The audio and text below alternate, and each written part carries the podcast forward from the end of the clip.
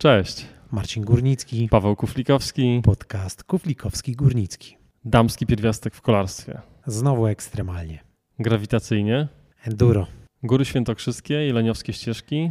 Nauczycielka wychowania fizycznego, pedagog. Puchar świata, a nawet puchary świata. Ambitna, zawzięta. Świadoma. Od siedmiu lat na scenie enduro. A wcześniej wiele lat spędzonych w cross country. Katarzyna Burek. Zapraszamy, posłuchajcie tej rozmowy. I jak zawsze gorąca prośba. Subskrybujcie podcast Kuflikowski Górnicki. Oceniajcie, udostępniajcie, bo to pomaga nam w dalszym rozwoju. Dzięki.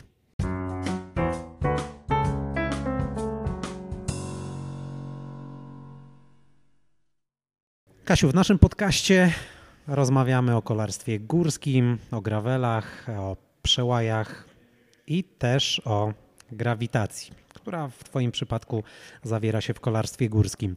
Ale większość naszych słuchaczy jednak jest z tych obszarów cross country, maraton, gravel. Jakbyś tak miała w dwóch, może trzech zdaniach scharakteryzować siebie, powiedzieć kim jesteś i zaraz dojdziemy do tego, dlaczego dzisiaj jesteś naszym gościem. Miało być łatwe pytanie. Nie, to nie tutaj, to nie z nami. Dobra. Czy jestem e, zawodniczką takiej dyscypliny jak e, enduro MTB? Enduro związanego oczywiście z rowerami. E, w ten sport bawię się, no teraz będzie chyba siódmy sezon, szósty, siódmy jakoś, tak? Nie, nie licząc połamanych kończyn po drodze. No będzie o czym rozmawiać. Będzie. Tak.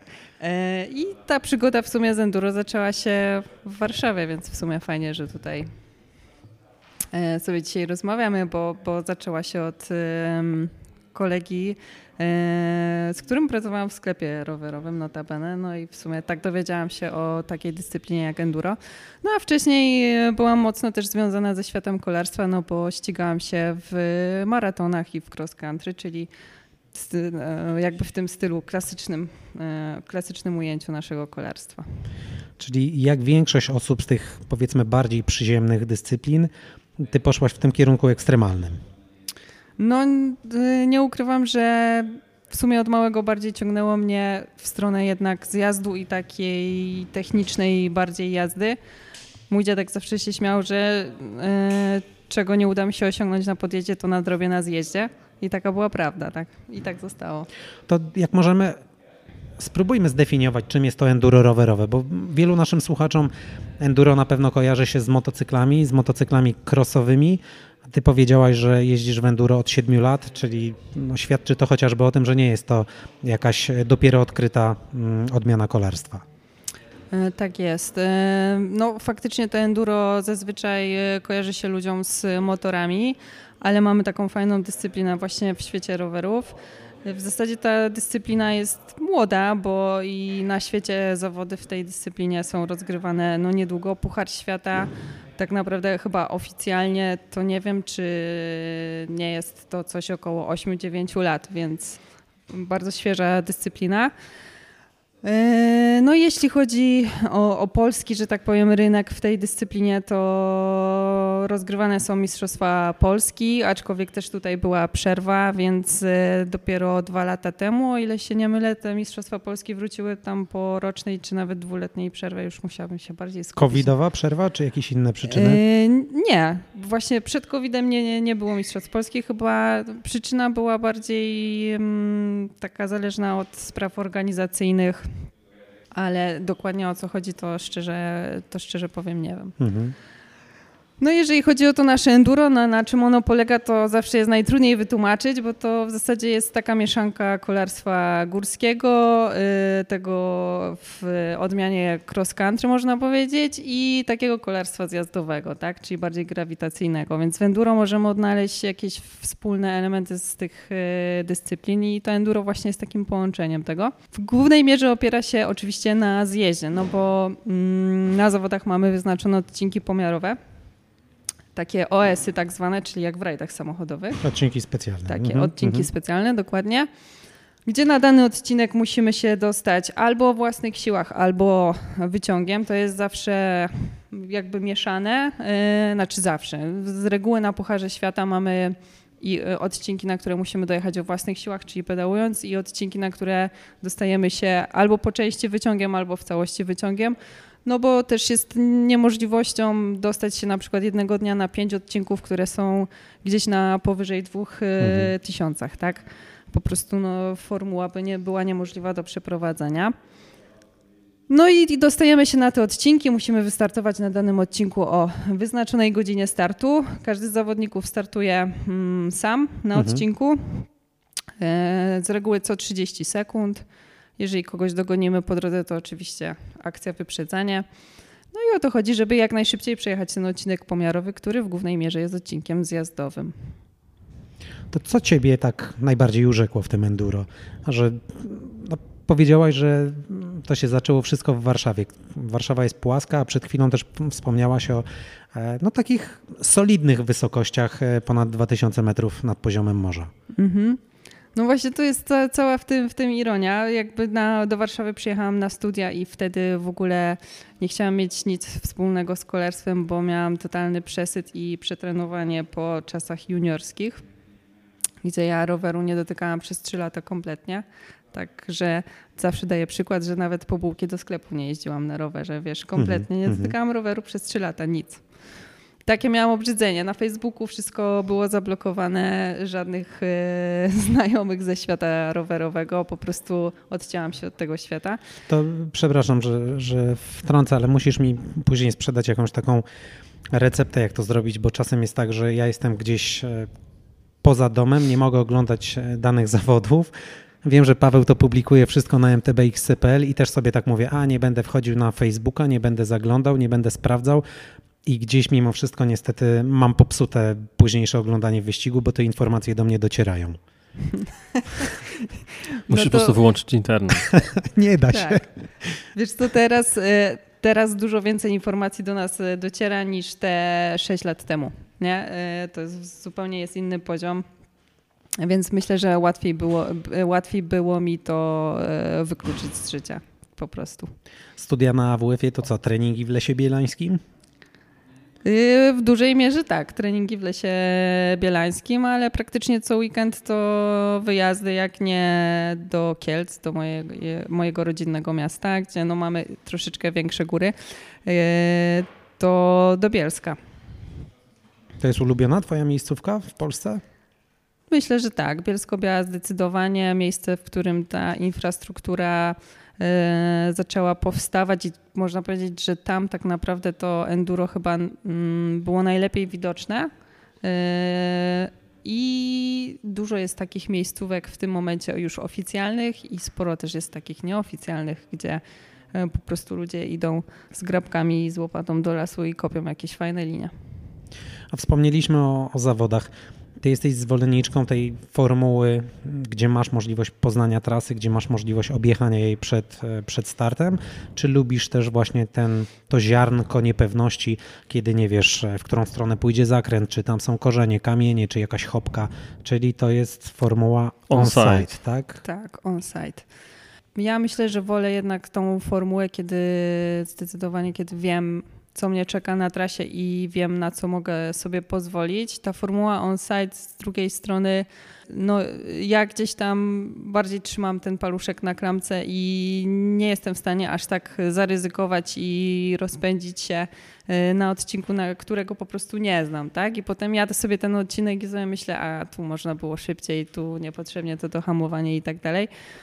Y, I czuję się po prostu bezpiecznie, jak wiem, co mnie czeka, i wtedy wiem, że mogę dać z siebie wszystko i maksa. A tą formułę on, on-site to traktuję raczej tak bardziej przygodowo, zabawowo. Czyli zdarza się. Zdarza się, oczywiście, bo w Polsce zawody często są organizowane w tej formule, więc y, jeżeli chcę ścigać się w Polsce, to, to nie mam wyboru. Ale ja dzisiaj od y, tajemniczego informatora słyszałem, że ty nie bardzo tak w Polsce się ścigasz, że głównie przyjeżdżasz na Mistrzostwa Polski i to chyba na tyle. Że jednak, jednak e, ścigasz się bardziej mm, za granicą. No, pretekstem do jakby naszej rozmowy i zaproszenia Ciebie tutaj, Kasia, było to, że e, na Instagramie właśnie pochwaliłaś się, że wypełniłaś swój bodajże czerwcowy kalendarz mhm. startami zagranicznymi właśnie. Tak, jeżeli, e, powiem tak, jeżeli pokrywają mi się zawody polskie z jakimś wyścigiem za granicą, e, czy to Puchar Czech, czy e, Puchar Świata, to wybieram to, co jest za granicą, zdecydowanie. Ale jeżeli mam możliwość pojawić się w Polsce, no to czemu nie, tak.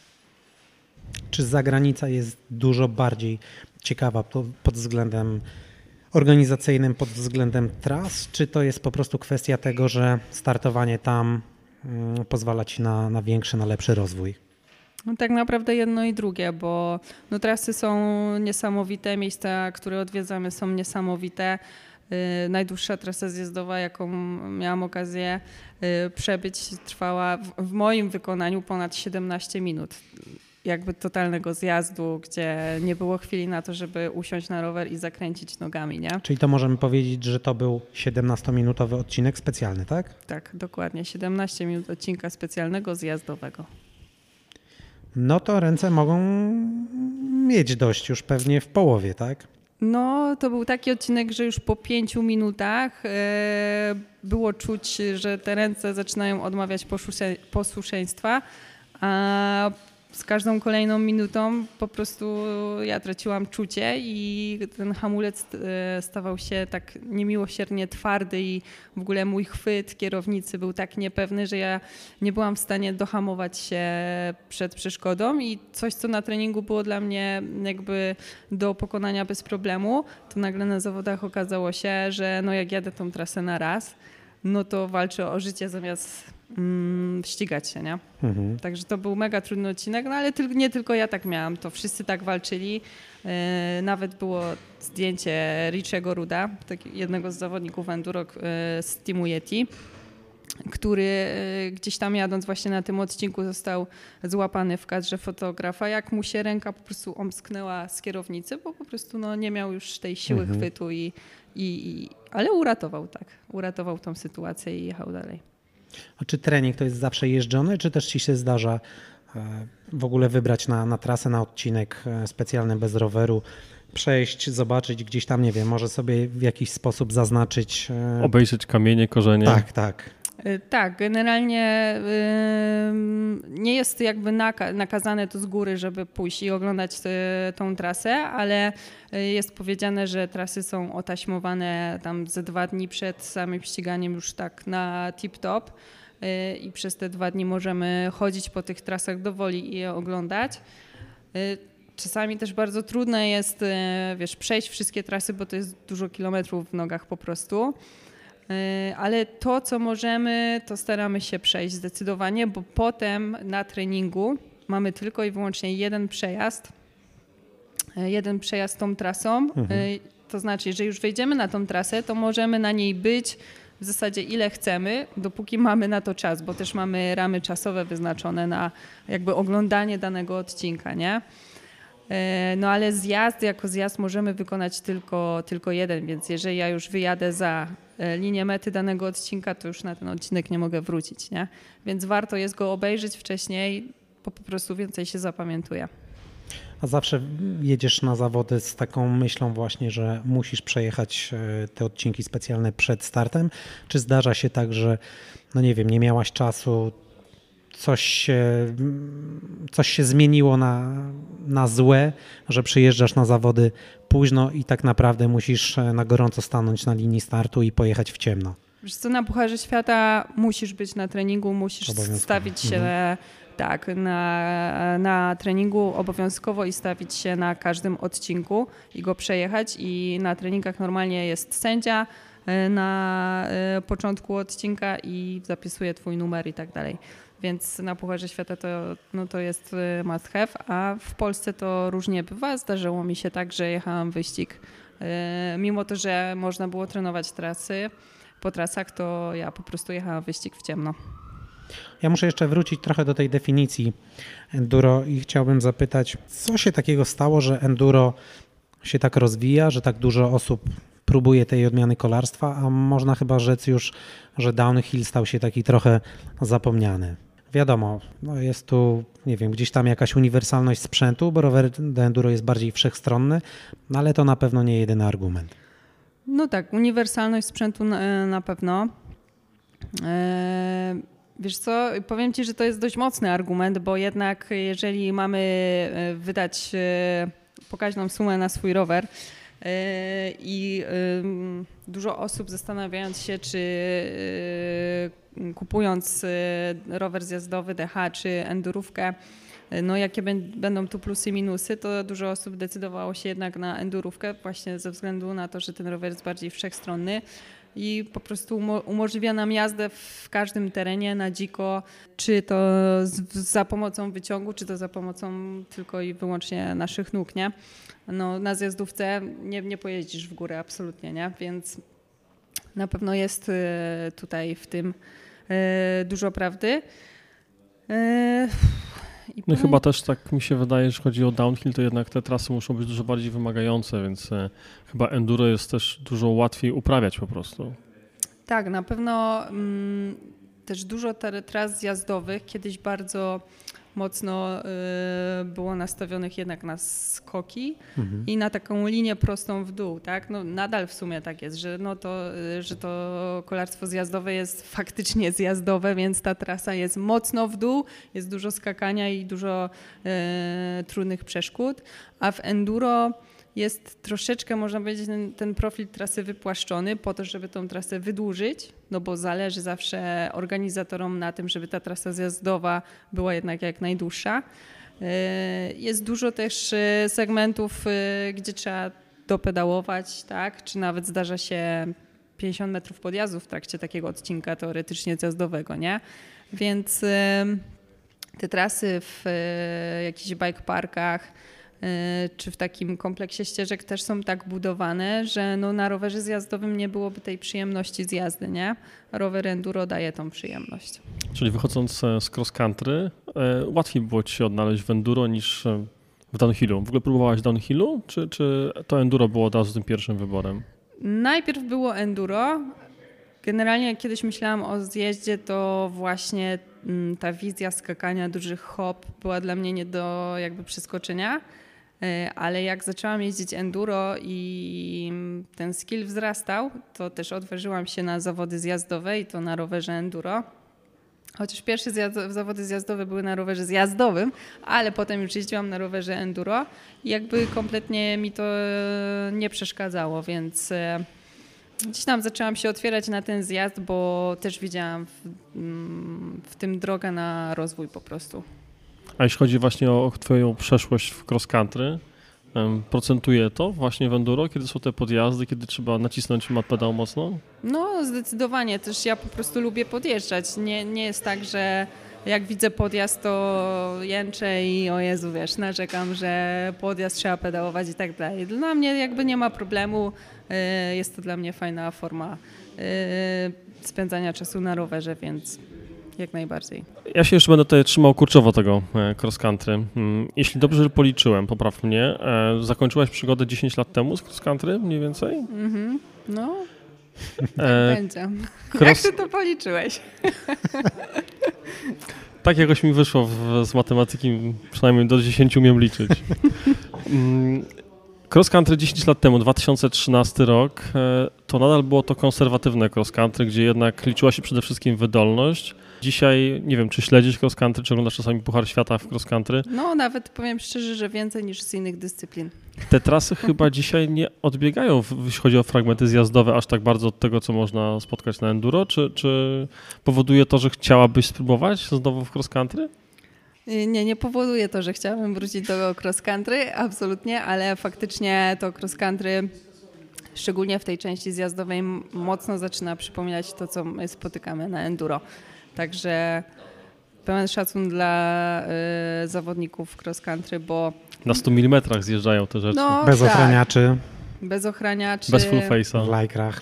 Więc no ja zawsze podziwiam, bo jak ja wsiadam na swojego hardtaila, typowego hardtaila do cross country, i czasami się po prostu, wiesz, zapominam, nie? Jadąc to, tą samą trasę, co jadę na enduro, jadę na tym hardtailu i czasami się tak po prostu zapominam. Nagle się okazuje, że droga hamowania jest dłuższa, mhm. że jest mniej tego skoku i że w ogóle inaczej ten rower zaczyna przyjmować przeszkody, mm, no to nieraz się zdziwiłam, nie? trochę mi się droga skończyła na przykład, albo drzewo jakieś spotkałam, także tak. A jakbyś miała tak rozłożyć na procenty e, przygotowanie, znaczy przygotowanie umiejętności techniczne, a przygotowanie kondycyjne, wydolnościowe, to jakbyś to zestawiła, jeśli chodzi właśnie o enduro? Hmm. Może wiesz co?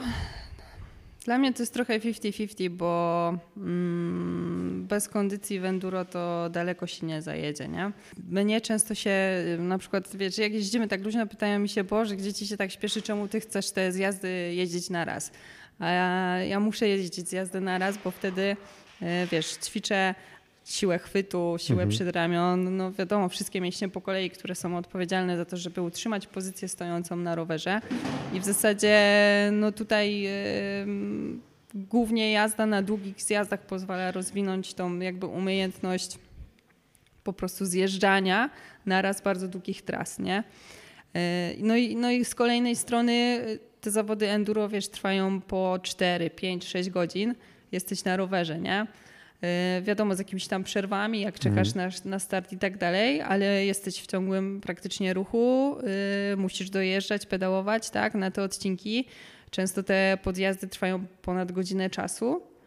Yy, więc no tutaj no nie ma opcji, żeby nie być przygotowanym wydolnościowo, kondycyjnie, bo jeden podjazd i jeden zjazd i jesteś człowiekiem po prostu zniszczonym, a masz jeszcze do pokonania trzy kolejne, nie? No tak, a wiadomo, że na zmęczeniu ta koncentracja też słabnie. E, Zaczyna się popełniać więcej błędów. Y, tak, też to łatwo... czuć w, jakby w miarę upływu wyścigu właśnie, że im dłużej, no, tym trudniej jest zachować tą koncentrację i y, ten poziom jazdy, jaki prezentujesz, wiesz, na pierwszym odcinku, nie? Mhm. Ja pamiętam, co do jazdy z jazdy mam niewiele wspólnego, jeśli chodzi o jazdę na rowerze, ale pamiętam, dwa lata temu byliśmy kilka miesięcy po otwarciu F-Line'a w, w Srebrnej Górze i chyba cztery razy go zjeżdżaliśmy. Za każdym razem trochę wolniej, trochę na zmęczeniu, a czwarty raz ja skończyłem na ostatniej bandzie, się wywaliłem, po prostu ręka puściła kierownicę. Mm-hmm. No, pamiętam właśnie, że to zmęczenie narastające, no to jest coś, e, czego no my jeżdżąc jakby takie no maratony, czy jazdę taką typową górską na, na poziomie właśnie rekreacyjnym, można powiedzieć, no nie jesteśmy do tego przyzwyczajeni, więc, więc to, to, to, co mówisz właśnie, umiejętność utrzymania kierownicy, to już jest jakby spore wyzwanie przez te kilka, jak nie kilkanaście minut. Ale to, no, też, jest, to też jest cenna umiejętność, żeby właśnie wychwycić ten moment, w którym właśnie no fajnie ci się jeździ, jest ten banan na, na buzi, ale gdzieś, gdzieś właśnie dopada cię to zmęczenie, gdzieś zaczynasz popełniać jakieś błędy, no i właśnie powiedzieć stop, jadę do domu, bo, bo te błędy mogą się zakończyć jakimś mhm. upadkiem, kontuzją. Dokładnie. No wiesz, często też mam tak na właśnie na wyścigach, że gdzieś tam na treningu y, jadę fragmentami trasy i wszystko mi fajnie wychodzi i wiesz, jadę potem to na raz i, i, się denerwuję sama na siebie, bo, bo nie jestem w stanie czegoś wykonać tak, jak to było na treningu, a to wszystko jest tylko i wyłącznie dlatego, że dochodzi zmęczenie, tak? Mhm. A pamiętasz swój pierwszy wyścig enduro? Pierwszy wyścig enduro to była przesieka. Mhm. To była przesieka, to były zawody w formule on-site i pamiętam, że byłam wtedy na trzy miesiące chyba po złamanej ręce, gdzie jeszcze nie wiedziałam, że moje więzadło się nie zregenerowało do końca. Dobrze się zapowiada. No y, i w zasadzie to pamiętam jeszcze, że miałam, nie wiem, chyba dwucyfrową liczbę wypadnięć poza trasę. Mhm. Nie umiałam jeszcze wtedy posługiwać się y, regulowaną sztycą, że łatwiej było mi zjeżdżać. Y, miałam takiego treka Fuela, to był taki rower bardziej z działu trailowego, mówię, mhm. że powiedzmy, niż enduro, ale no ta sztyca regulowana była i jak siodełko spuszczałam do samego dołu, to nie potrafiłam się odnaleźć, wiesz, na rowerze, nie? Nie wiedziałam, mhm. jak się mam ustawić i tak dalej, nie? Więc te początki były naprawdę szalone. No i po tym wyścigu pamiętam, że miałam w głowie, że hmm, co ja tu robię, nie? Gdzie ja się wybieram? To jest w ogóle daleka droga przede mną, a miałam wtedy, wiesz, 24 lata, coś w tym stylu, 23, jakoś tak. Także dość późno jak na enduro i zaczynanie w ogóle przygody mm, w, no, w nowym sporcie. Ale skończyło się motywacją do tego, żeby ćwiczyć, a nie żeby rzucić rower w krzaki. No, dokładnie. Po raz kolejny zresztą, bo to byłoby pewnie e, już takie definitywne twoje rozstanie z rowerem, a jednak zaskoczyło Tak. i poszłaś tym mocniej. Tak, no po zawodach właśnie musiałam odwiedzić fizjoterapeutę. Powiedział, że tylko szosa i to najlepiej na lemontce, żeby nie Mhm. e, obciążać e, nadgarstka. I potem wróciłam sobie na rower e, we wrześniu i moje drugie zawody enduro to były już Mistrzostwa Polski. Wyobraźcie sobie. I jak było? W Baligrodzie. No było tak, że e, skończyłam, o ile się nie mylę, na czwartym miejscu i w zasadzie medalu nie było tylko dlatego, że mm, spóźniłam się na odcinek e, startowy, czyli po prostu za dużo czasu zajął Mhm. mi podjazd i dostałam już- karę, nie? No to już y, w Elicie startowałaś wtedy? Tak, tak, Mhm. elita, elita. Mhm. Wtedy pamiętam Ela Figura e, jeszcze jeździła. Nie wiem, czy Elę kojarzycie, bo Tak. ona też mocno, mocno z, cross cross country. tak, tak, Tak tak, to pamiętam. Tak, no i po tamtym wyścigu, e, no mimo, że był ten niedosyt, to jednak stwierdziłam, że kurczę, podoba mi się to i stwierdziłam, że tak pocisnę jesień, żeby się tak podszkolić, pouczyć tej techniki, zgłębić bardziej ten temat, e, żeby w nowym sezonie pojechać na zawody i tak odpalić już z kopyta. I w zasadzie tak się udało. A pierwszy zagraniczny start? W takim razie, kiedy się pojawił? pierwszy zagraniczny start, Bo to już jest jakby inna poprzeczka. no... Już, już w koszulce mistrzyni Polski? Tak, tak, bo to było po mistrzostwach po roku, gdzie zdobyłam tytuł mistrzyni Polski. To był 2018 rok, a na następny rok nie chciałabym skłamać, ale nie wiem, czy pierwsze zawody w ogóle za granicą to nie był Puchar Świata. No, czyli jak mierzyć to wysoko. Mhm. I to Madera, więc w ogóle dwudniowy wyścig, jeszcze wtedy mm, 11 odcinków to było w sumie do pokonania. Gdzie tak rzucam tymi liczbami z pamięci, ale nie jestem w ogóle pewna tego, co mówię.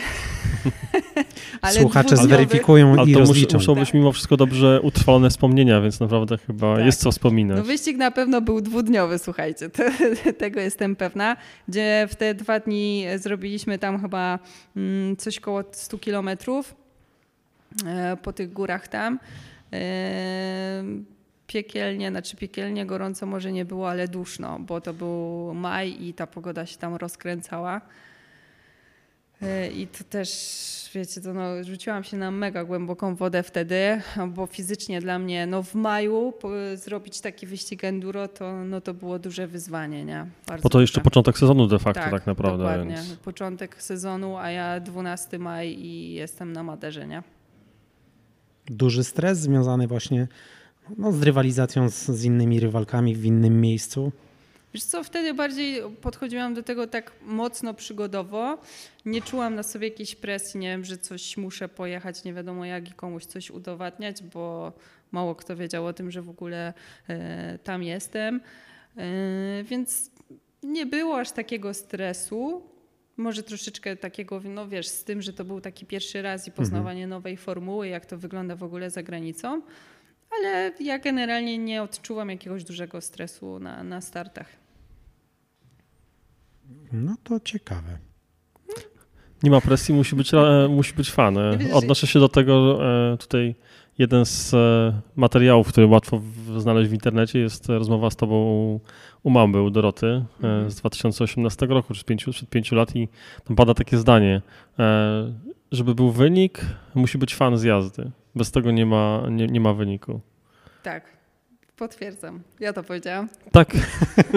znaczy, tak jest napisane, nie wiem, czy to autoryzowałaś. Tak, tak, tak. Nie, e, faktycznie. Dalej aktualne? Aktualne jak najbardziej. e, Znaczy, przepraszam, że wejdę jeszcze w słowo, ale to właśnie bardzo się jakby spina z tym, co mówiłaś o tym, dlaczego skończyłaś z cross country, gdzie byłaś przetrenowana, gdzie, gdzie mówiłaś, że po prostu było tego za dużo i był przesyt i musiałaś tą radość od nowa do roweru odnaleźć, prawda? Więc odnalazłaś ją i raz z tą radością poszedł progres sportowy. Dokładnie, dokładnie było tak, jak mówisz. Musiałam odnaleźć radość z jazdy na rowerze i w enduro mówimy, że najlepiej się jedzie, jak poczujesz to tak zwane flow.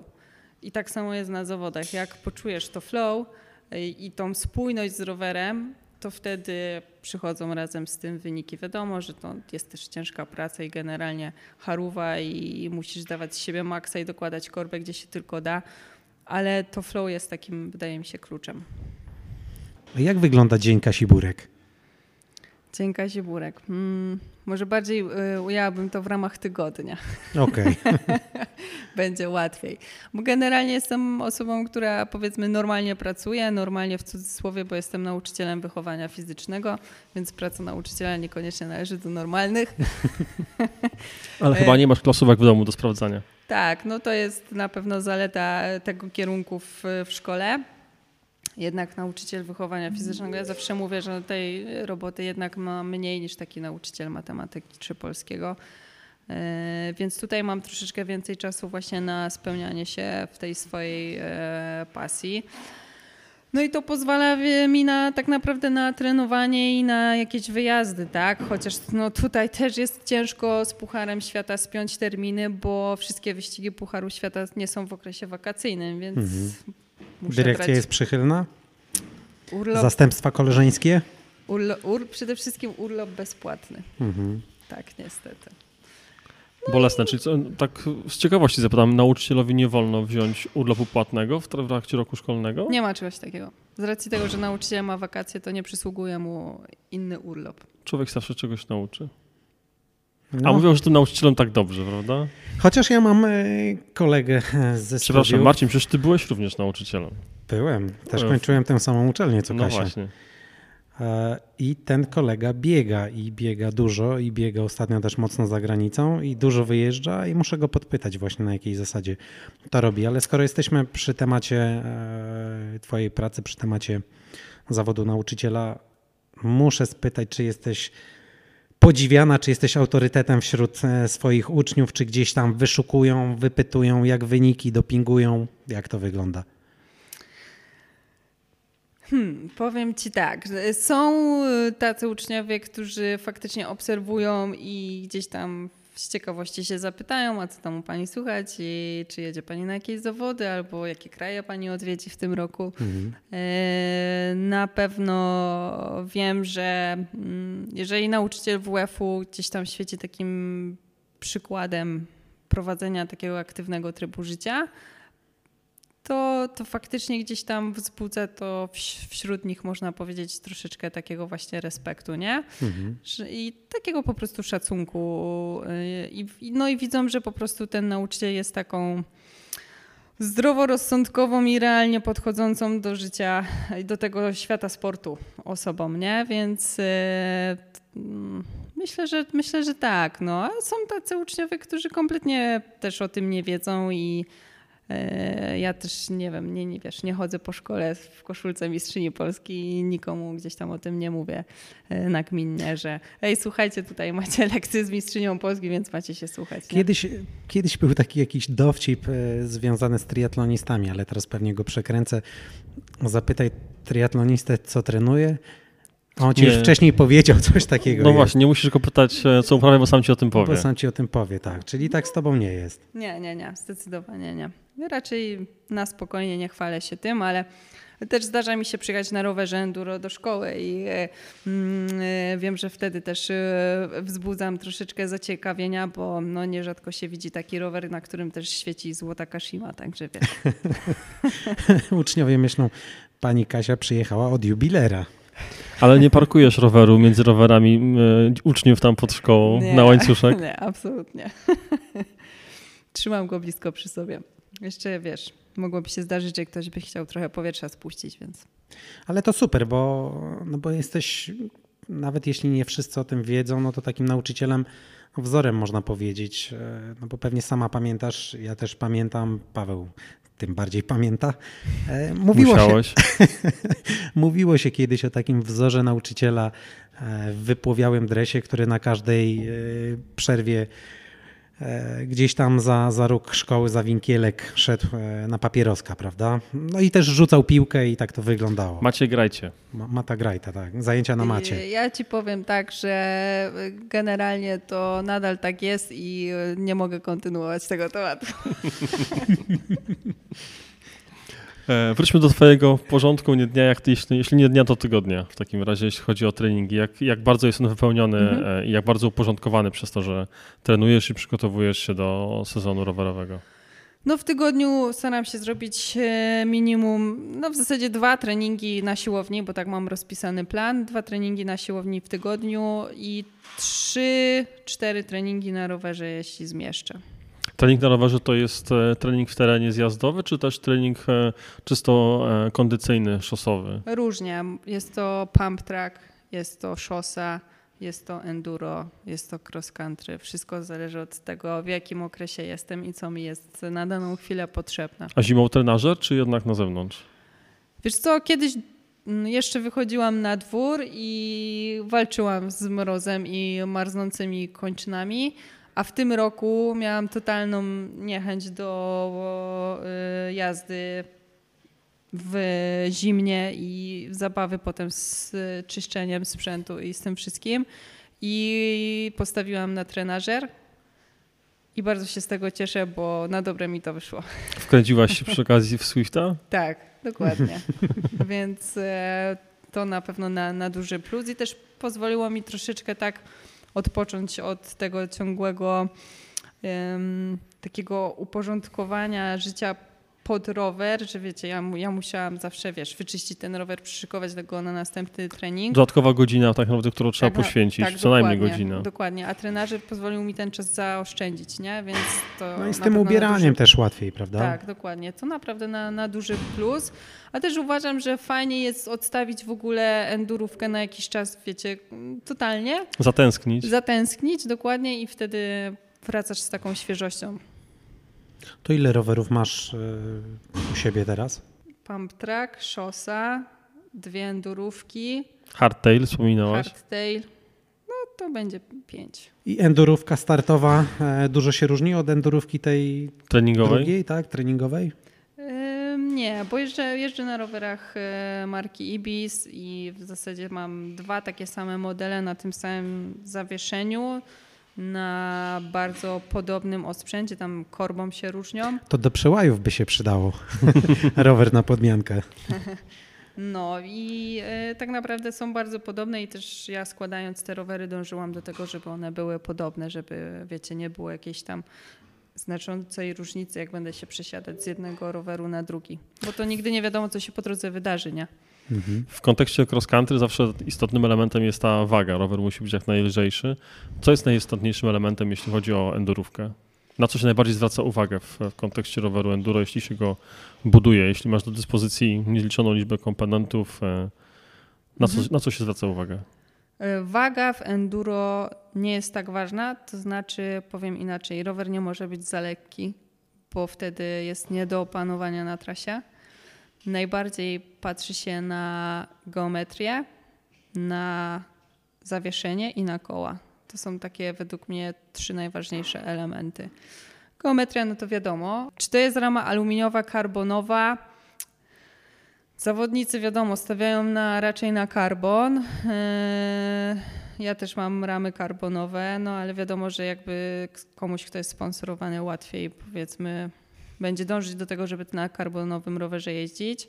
Zawieszenie absolutnie, jeżeli jest top, no to y, czuć różnicę i tu uważam, że jeżeli możemy sobie pozwolić na najlepsze zawieszenie, to ono powinno być najlepsze. Koła, no koła, y, lekkie koła, tak, y, w enduro. Y, wiadomo, że to nie jest waga z cross country, ale faktycznie te koła powinny być w miarę lekkie i przy tym wytrzymałe. No tak? właśnie. Więc czy... tutaj musi być kompromis. Nie? Kompromis jest na poziomie kół karbonowych, czy jednak spotyka się jeszcze aluminiowe koła w enduro? Wiesz co, więcej ludzi jeździ na aluminium? Z tego Marcin, względu... słyszysz? Jednak się kręcą aluminiowe koła. No, większość jeździ na aluminium, ale Kasia jeździ na pewno na karbonie. ja zeszły sezon jeździłam bardzo dużo na kołach karbonowych od Dandy Horse. Tutaj w Warszawie chłopaki stacjonują. Pozdrawiamy Jasu. Tak jest.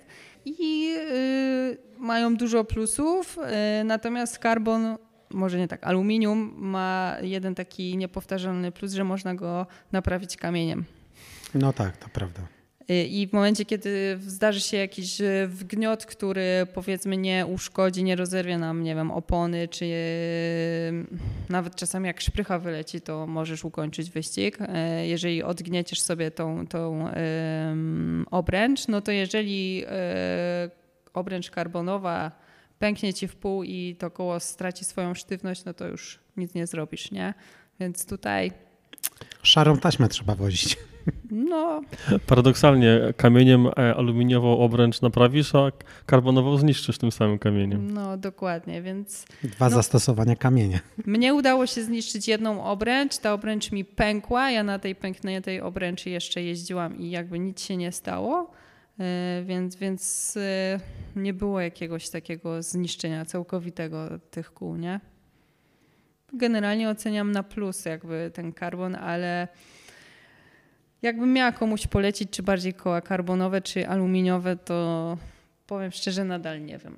Najlepiej mieć te i te. Ale powiedziałaś, że w zeszłym sezonie jeździłaś na karbonowych, a w tym to rozumiem, że będziesz w zależności od tego, jaka trasa e, zmieniała tak, zestaw. będę, myślę, że w zależności od tego właśnie, jaka będzie trasa i być może będę robić tak, że jeżeli będzie dużo więcej e, jazdy z korby i gdzieś tam jakieś odcinki podjazdowe mm, na odcinkach pomiarowych, to włożę karbon. A jak będzie troszeczkę bardziej zjazdowo i bardziej jeszcze kamieniście, no to włożę aluminium. I może w ten sposób będę żonglować tymi dwoma komponentami.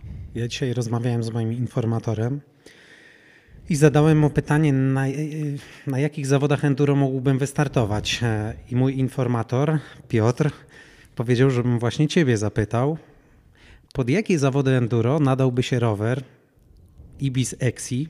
Znaczy niekoniecznie taki rower, ale ja na takim akurat jeżdżę. Rower do cross Ale, country. ale rower tak, który ma z przodu 120. 120, z tyłu 100 mm skoku zawieszenia. Czy w ogóle z takim rowerem można podchodzić do zawodów enduro w Polsce? Czemu nie? Znaczy tak wiesz, żeby nie było, że przez to, że jeżdżę właśnie na mniejszym rowerze, to jeśli chodzi o sprzęt, dużo tracę względem tych, którzy jeżdżą, nie wiem, e, na rowerze 150, 160 czy jeszcze więcej skoku. Wiesz co, y, jakbym ci miała powiedzieć konkretnie zawody, to na przykład y, w kwietniu będą na jeleniowskich ścieżkach takie enduro zawody, gdzie no, to są góry świętokrzyskie, więc y, mogę stwierdzić, że to będą gdzieś tam poziomem powiedzmy najłatwiejsze zawody w Polsce, gdzie jak ktoś by chciał pierwszy raz wystartować w enduro i zobaczyć taki przedsmak tego, to myślę, że to super y, okoliczność do tego właśnie. I myślę, że ty byś spokojnie na Exi mógł e, to pojechać. A jeżeli byśmy weszli już w takie poważniejsze enduro, to myślę, że zawody w formule on-site, jeżeli chciałbyś przejechać, to myślę, że, że mógłbyś i że mm, spokojnie byś sobie dał radę. Jest gdzieś taka pokusa, nie ukrywam. Nawet mnie mój mechanik namawia, mówi zakładaj tylko trochę szersze kapcie i No czemu nie? Jakby spróbować możesz, jak najbardziej, ale to już uprzedzam, że powalczyć o e, pierwszą piętnastkę będzie ciężko, nie? Z, e, u, wśród panów w elicie. Nie, powiem ci szczerze, nawet y, miałem taki delikatny epizod. y, Trzy lata temu y, wypożyczyłem rower enduro z firmy, w której pracowałem, tylko że to był rower na mm, 27,5 calowych kołach. Ja ten rower nie jeździłem w ogóle na nim, zabrałem go od razu na zawody, na któ- które mi kręcik z Tomasem polecili, bo też powiedzieli, że tam będzie prosto po takiej przerwie, bo ja zaczynałem od zjazdu, ale później właśnie u mnie na odwrót było. Ja zacząłem jeździć maratony i tak powiedziałem sobie, jak jest okazja, żeby pożyczyć rower, to chętnie spróbuję swoich sił. E, No i stanąłem gdzieś tam na treningu, żeby objechać te OS-y i to było w Rabce i powiem Ci szczerze, że rozsądek wygrał, bo powiedziałem sobie, no nie, po pierwsze nie znam roweru, e, nie jeździłem na nim, po drugie mniejszy rozmiar kół, czułem się tak nieswojo, że, że odpuściłem. Mhm. No rapka to zdecydowanie takie soczyste enduro, No widzisz, a kręcik z Tomasem mówili, że, że nie. że bułka z masłem, że spokojnie Nie, dasz bo radę. on, to, co oni tam zrobili z tego z Lubonia, to się nazywa chyba ta góra. Mhm. Yy, długie, długie odcinki, bo tam ośmiominutowe zjazdowe odcinki były. No to tam takie prawdziwe soczyste enduro. Na, na krzywoniu troszeczkę, yy, troszeczkę krótsze odcinki, ale technicznie było, było, było, byłoby się czym tam popisać, więc faktycznie no nie dziwię ci się, nie? E, że taką decyzję podjąłeś. Też to były zawody dwudniowe, dużo tego ścigania było, więc e, myślę, że słusznie jak na tamten czas. Ale tak jak mówię, jakbyś chciał wystartować teraz w zawodach enduro, mm, to te jeleniowskie ścieżki myślę na pierwszy raz to naprawdę super opcja. Tym bardziej, że z tego, co tam obserwuję trochę znajomych, to e, nie brakuje osób, które właśnie na rowerach cross country właśnie na Jeleniowskie jeżdżą, bo z naszej mazowieckiej perspektywy to Góry Świętokrzyskie, które ty masz pod, pod domem, mhm. są dla nas najbliższą miejscówką, najbardziej taką dostępną. Tak, a ścieżki też ułatwiają na pewno to. Zdecydowanie. Poziomem, no to myślę, że naprawdę fajnie właśnie się tam wybrać i czy to rower enduro, czy cross country. Na pewno na cross country będzie troszeczkę wolniej, ale wszystko będzie do przejechania. No to będę śledził, e, kiedy będą takie zawody i jak nie będzie to kolidowało z jakimiś e, terminami, to chętnie. 20 chyba 3 kwietnia. Puchar no. Polski w Białym Stoku w cross country. Daleszyce w Weselerze. Tak jest. Paweł, nie wybieram się na start. nie, ja to wiesz, datami jest takie akurat świeżo, gdzieś ale tam tak, w kalendarzu patrzyłem. 23 albo 27, to musisz sprawdzić, ale bo mogę sprawdzę. się mylić. Ale tak jak Kasia powiedziałaś o jeleniowskich e, ścieżkach i o o zawodach enduro tam, e, no to przypomniało mi się, że kiedyś e, zawody zjazdowe były nawet na telegrafie i tam nie wiem, najlepsi to chyba mieli czas, poprawcie mnie, poniżej minuty? Mhm. No to może być, tak. Taki ekspresowy downhill. Tak, tak, tak. No to jest właśnie odpowiedź na to, dlaczego w, w Polsce ten downhill się za bardzo nie rozwija. No po prostu no, musisz pojechać w już totalne góry, żeby te trasy były takie, żeby te 2-3 minuty chociaż pozjeżdżać, nie? No, dokładnie. Wspomniałaś, Kasia, że e, przy dobrych e, wiatrach Marcin mógłby powalczyć może o top 15. Mm, ja się tutaj odniosę ponownie do wywiadu, e, do rozmowy Doroty z tobą, która zrobiła tą rozmowę w, ramach takiego jakby cyklu dziewczyny na rowery, Dorota wtedy też była bardzo nowe enduro. E, jak na przestrzeni tych właśnie pięciu lat, bo akurat tamten wywiad jest z 2018 roku, ewoluowała scena enduro, jeśli chodzi o kobiety w Polsce? E, jest większe zainteresowanie, czy, czy nadal jak rozmawiasz z jakimiś e, koleżankami, czy, czy jak masz jakieś nowe znajomości, to hasło startuje w enduro to jest takie wielkie wow w ogóle, co to za ciężki sport? Powiem ci tak, jak ja pojechałam na pierwsze zawody, to dziewczyn startujących było chyba około 20, więc dużo. Sporo. Mhm. Bardzo dużo. No. Mhm. No.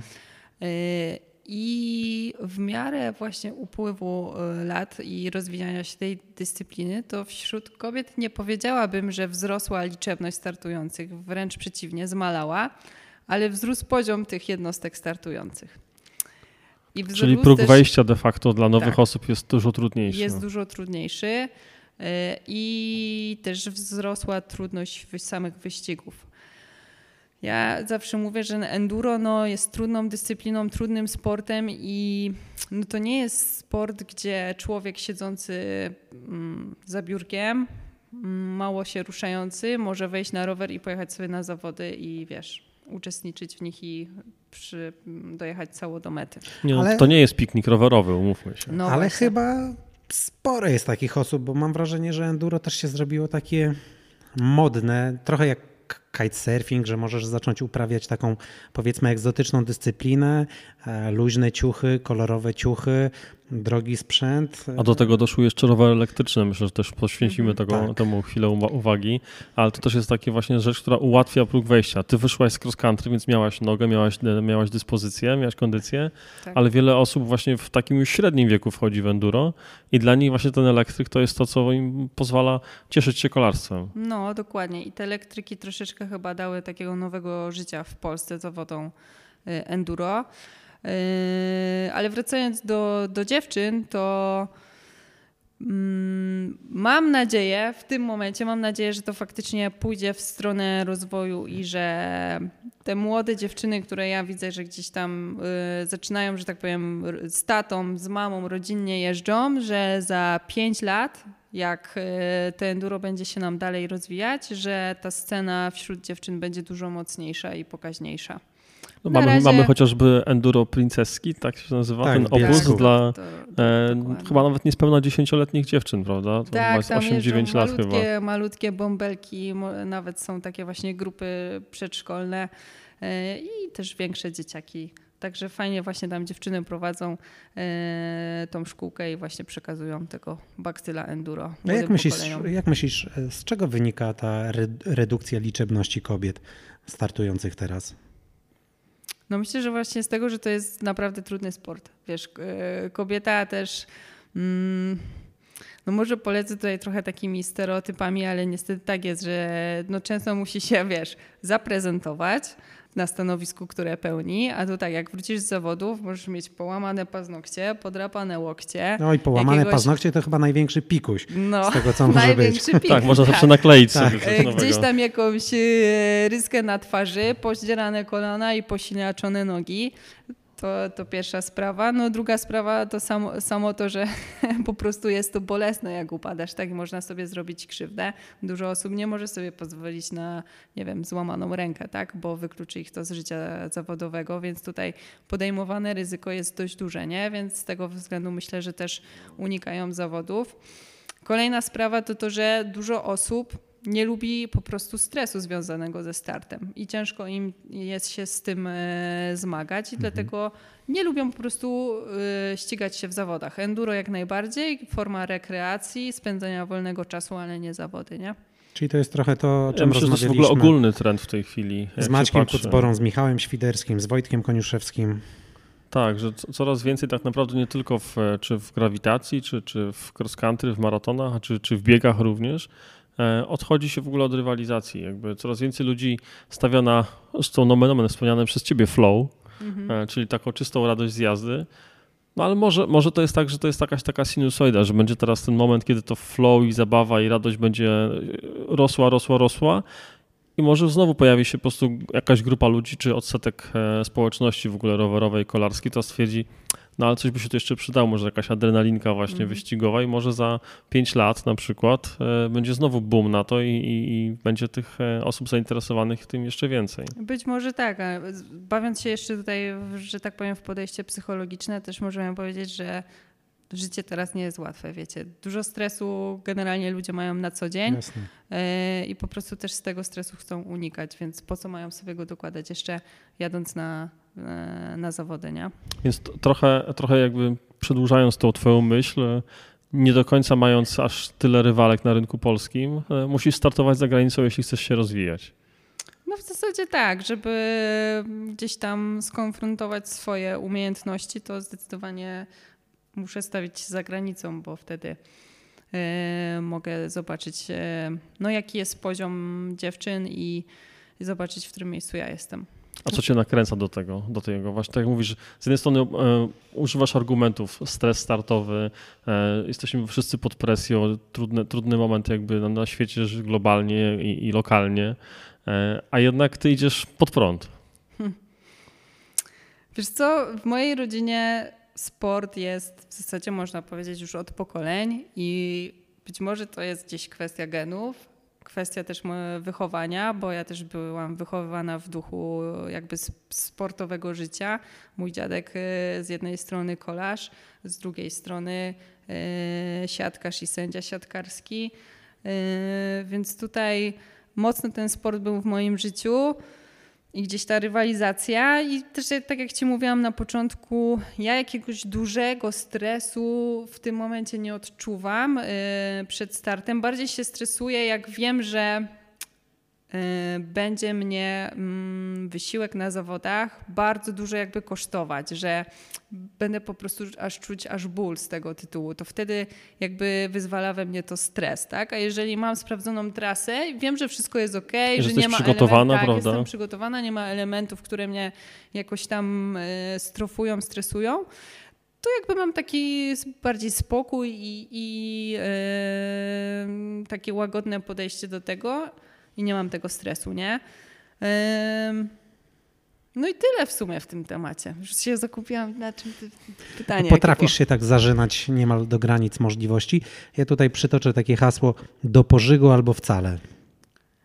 Masz tak, że właśnie e, wjeżdżasz na metę i padasz i tętno jest tak duże, że po prostu serce ci e, rozwala klatkę piersiową? Wiesz co, powiem ci, że często, często gdzieś tam Bardziej w środku odcinka zdarzają się takie momenty, że mm, no jeszcze chwila i po prostu spadniesz z roweru, mhm. niż przy wjeździe na samą metę, ale faktycznie zdarzają się takie, takie momenty, ale też enduro jest taką dyscypliną, że no właśnie, musisz tak rozłożyć siły na całym zjeździe, że no nie możesz sobie pozwolić na to, żeby, cię, żeby coś było do pożygu. No bo po prostu zaczniesz popełniać, możesz popełnić taki błąd, że to po prostu wyeliminuje cię z dalszej, z dalszej jazdy, nie? Więc y, gdzieś tam faktycznie potrafię wejść w tą strefę takiego dużego dyskomfortu, ale mając też wspomnienia z okresu juniorskiego, stresuje mnie, jak muszę w nią wejść. Nie? Mhm. I to z jednej strony potrafię, ale z drugiej strony często uciekam przed tym wejściem. To też u siebie zauważyłam, nie? Ja muszę zapytać, to mnie zawsze tak naprawdę intrygowało, akurat nie znam aż tak dużo osób, które mogę bezpośrednio zapytać w temacie grawitacyjnym. E, nawet jak oglądałem wideo z ostatniego Rampage'a, gdzie, gdzie Szymon Godzik nagrał jeszcze przed e, głównym przejazdem e, swój przejazd, słychać bardzo taki ciężki oddech, intensywny oddech. E, no widać, że to są no, wysokie obroty, ale czy w grawitacji właśnie na zjazdach e, też osiąga się HR maxa? Mhm, zdecydowanie tak. No właśnie tak niektórym się e, zdaje, że ty na zjeździe nic nie robisz, tylko stoisz i po prostu zjeżdżasz, nie? Samo jedzie, tak? Tak jest, to samo jedzie. A tu się okazuje, że po 30 sekundach jazdy twoje tętno oscyluje w granicach 90% maksa, nie? Więc jak najbardziej tutaj z tętnem jest walka przez mhm. cały zjazd i to tętno jest bardzo wysokie. No to można było, Paweł, chociażby zaobserwować e, na jednym z filmów e, Michała Topora z zawodów enduro, gdzie tam po prostu no, tak dyszał, ale widać, że no, cały czas skoncentrowany na jakichś płaskich czy lekko podjazdowych odcinkach. On tam mocno dokręcał Wiesz, i widać, że go to dużo kosztowało sił. Zjazd na rowerze, ja zawsze porównuję, jest jak robienie przysiadów i pompek naraz. A jeszcze jedna rzecz. Da się tak? No najpierw pompka, potem przysiad. Jeszcze jedna rzecz przyszła mi do głowy teraz.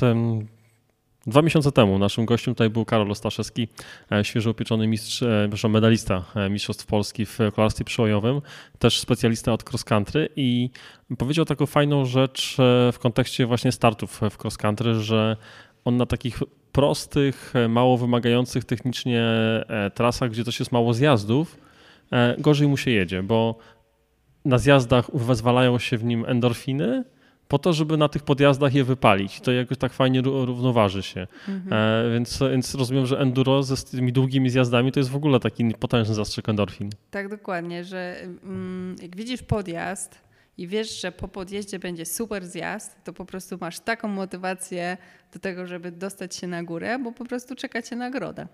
I to jest właśnie to, o co chodzi w tym enduro. A jak jest 17 minut zjazdu, to też jest, smakuje jak nagroda? Może nie na zawodach. Ale generalnie tak. Ja bardzo lubię długie zjazdy. No to, to, co wtedy było na zawodach, bo to było w Pecen, no to, było, to nie było już przyjemne. To nie było już przyjemne zdecydowanie. To mało w tym było fanu pod koniec. Także na zawodach preferowałabym jednak takie 11 minut maksymalnie. To był najdłuższy OS, który jechałaś w życiu, tak? Mhm. A tak e, biorąc pod uwagę zasady, przepisy, regulaminy, e, jak, jak to się na to patrzy? E, jaki, jaka minimalna jest długość OS-u? Wiesz co, oni tam nie mają wyznaczonych minimum na OS, tylko generalnie na cały wyścig. Ile mhm. jest, ile powinno być w pionie, czy przewyższenia, mhm. ile kilometrów i jaki czas trwania wyścigu bardziej w tych granicach się to rozpatruje. I nie wiem, jak jest w tym roku, i tu wiesz, znowu nie chcę rzucać jakimiś liczbami, które mi się wydaje, że są, a może ich nie być, e, ale zazwyczaj jeden dzień wyścigu to chyba było między 1200 a 2200 przewyższenia Mhm. Coś, takie widełki wydaje mi się, że to były. I do ilu kilometrów to w tej chwili ci nie powiem. A generalnie średni głównie. czas jednego AS-u, jaki, jaki powiedzmy ty jeździsz, czy, czy ile, ile powiedzmy trwa średni e, taki czas? To jest już przedział powiedzmy 8-10 minut. Powtórzysz mi za chwileczkę to pytanie? I jeszcze dodam jedno, że to ważne jest, że, e, że to są e, jakby pion robiony z nogi.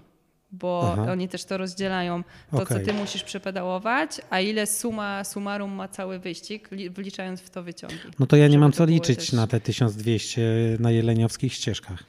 No, ci mówię o zasadach z Pucharu Świata, a w Polsce to zależy od wyścigu, nie? Okej. Jak tam sobie to organizator wymyśli. To powtarzam pytanie. Tak jest.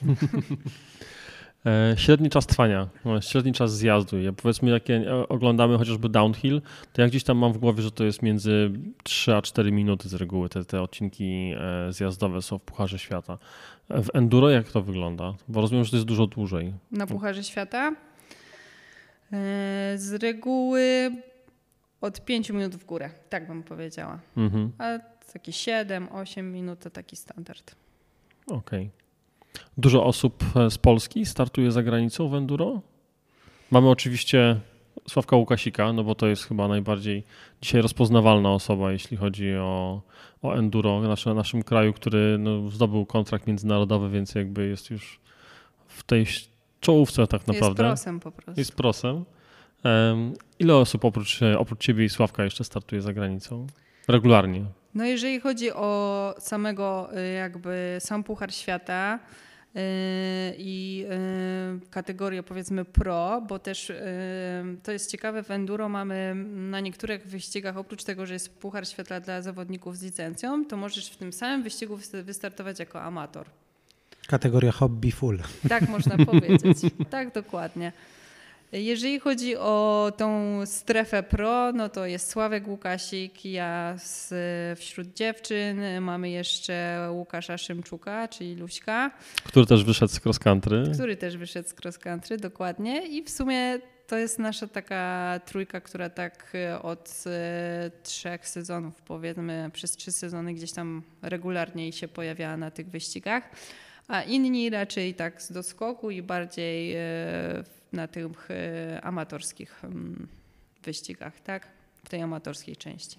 Ja chciałem jeszcze e, ustrukturyzować troszeczkę temat tego Pucharu Świata, bo e, o ile w, w cross country czy w downhillu mówi się, jest Puchar, Puchar Świata po prostu jako taki, natomiast w enduro był, e, był czy jest Enduro World Series, prawda? To, I to jest ten Puchar Świata, o którym ty mówisz, czy to są Tak. dwie różne, dwa różne cykle? Nie, to było właśnie Enduro World Series.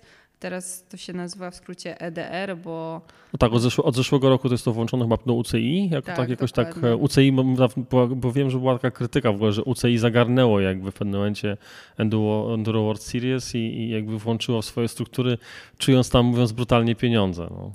no to jak tam... No bo oni chyba się bali, że enduro wyprze downhill, prawda? Tak, tak słyszałem.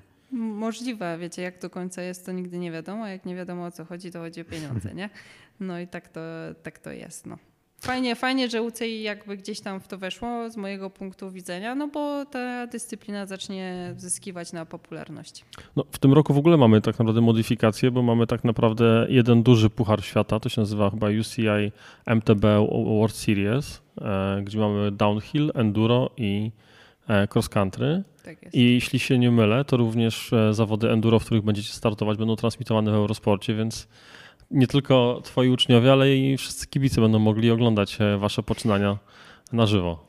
W sumie oby tak, czemu nie? Fajnie będzie, jeśli e, więcej ludzi będzie mogło zobaczyć, co to jest za sport i z czym to się je.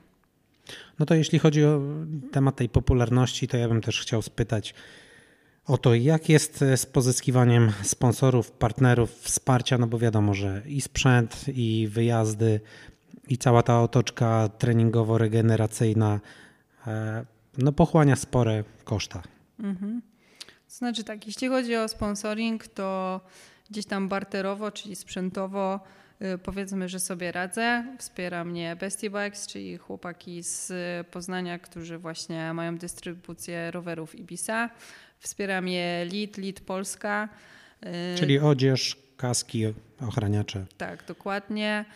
Yy, Dandy Horse, które mnie zaopatrzyło w koła, yy, Highest Breaks, no i dystrybucja polska, bo tutaj yy, odnośniki, że tak powiem, polskie Mhm. duże, duże znaczenie mają.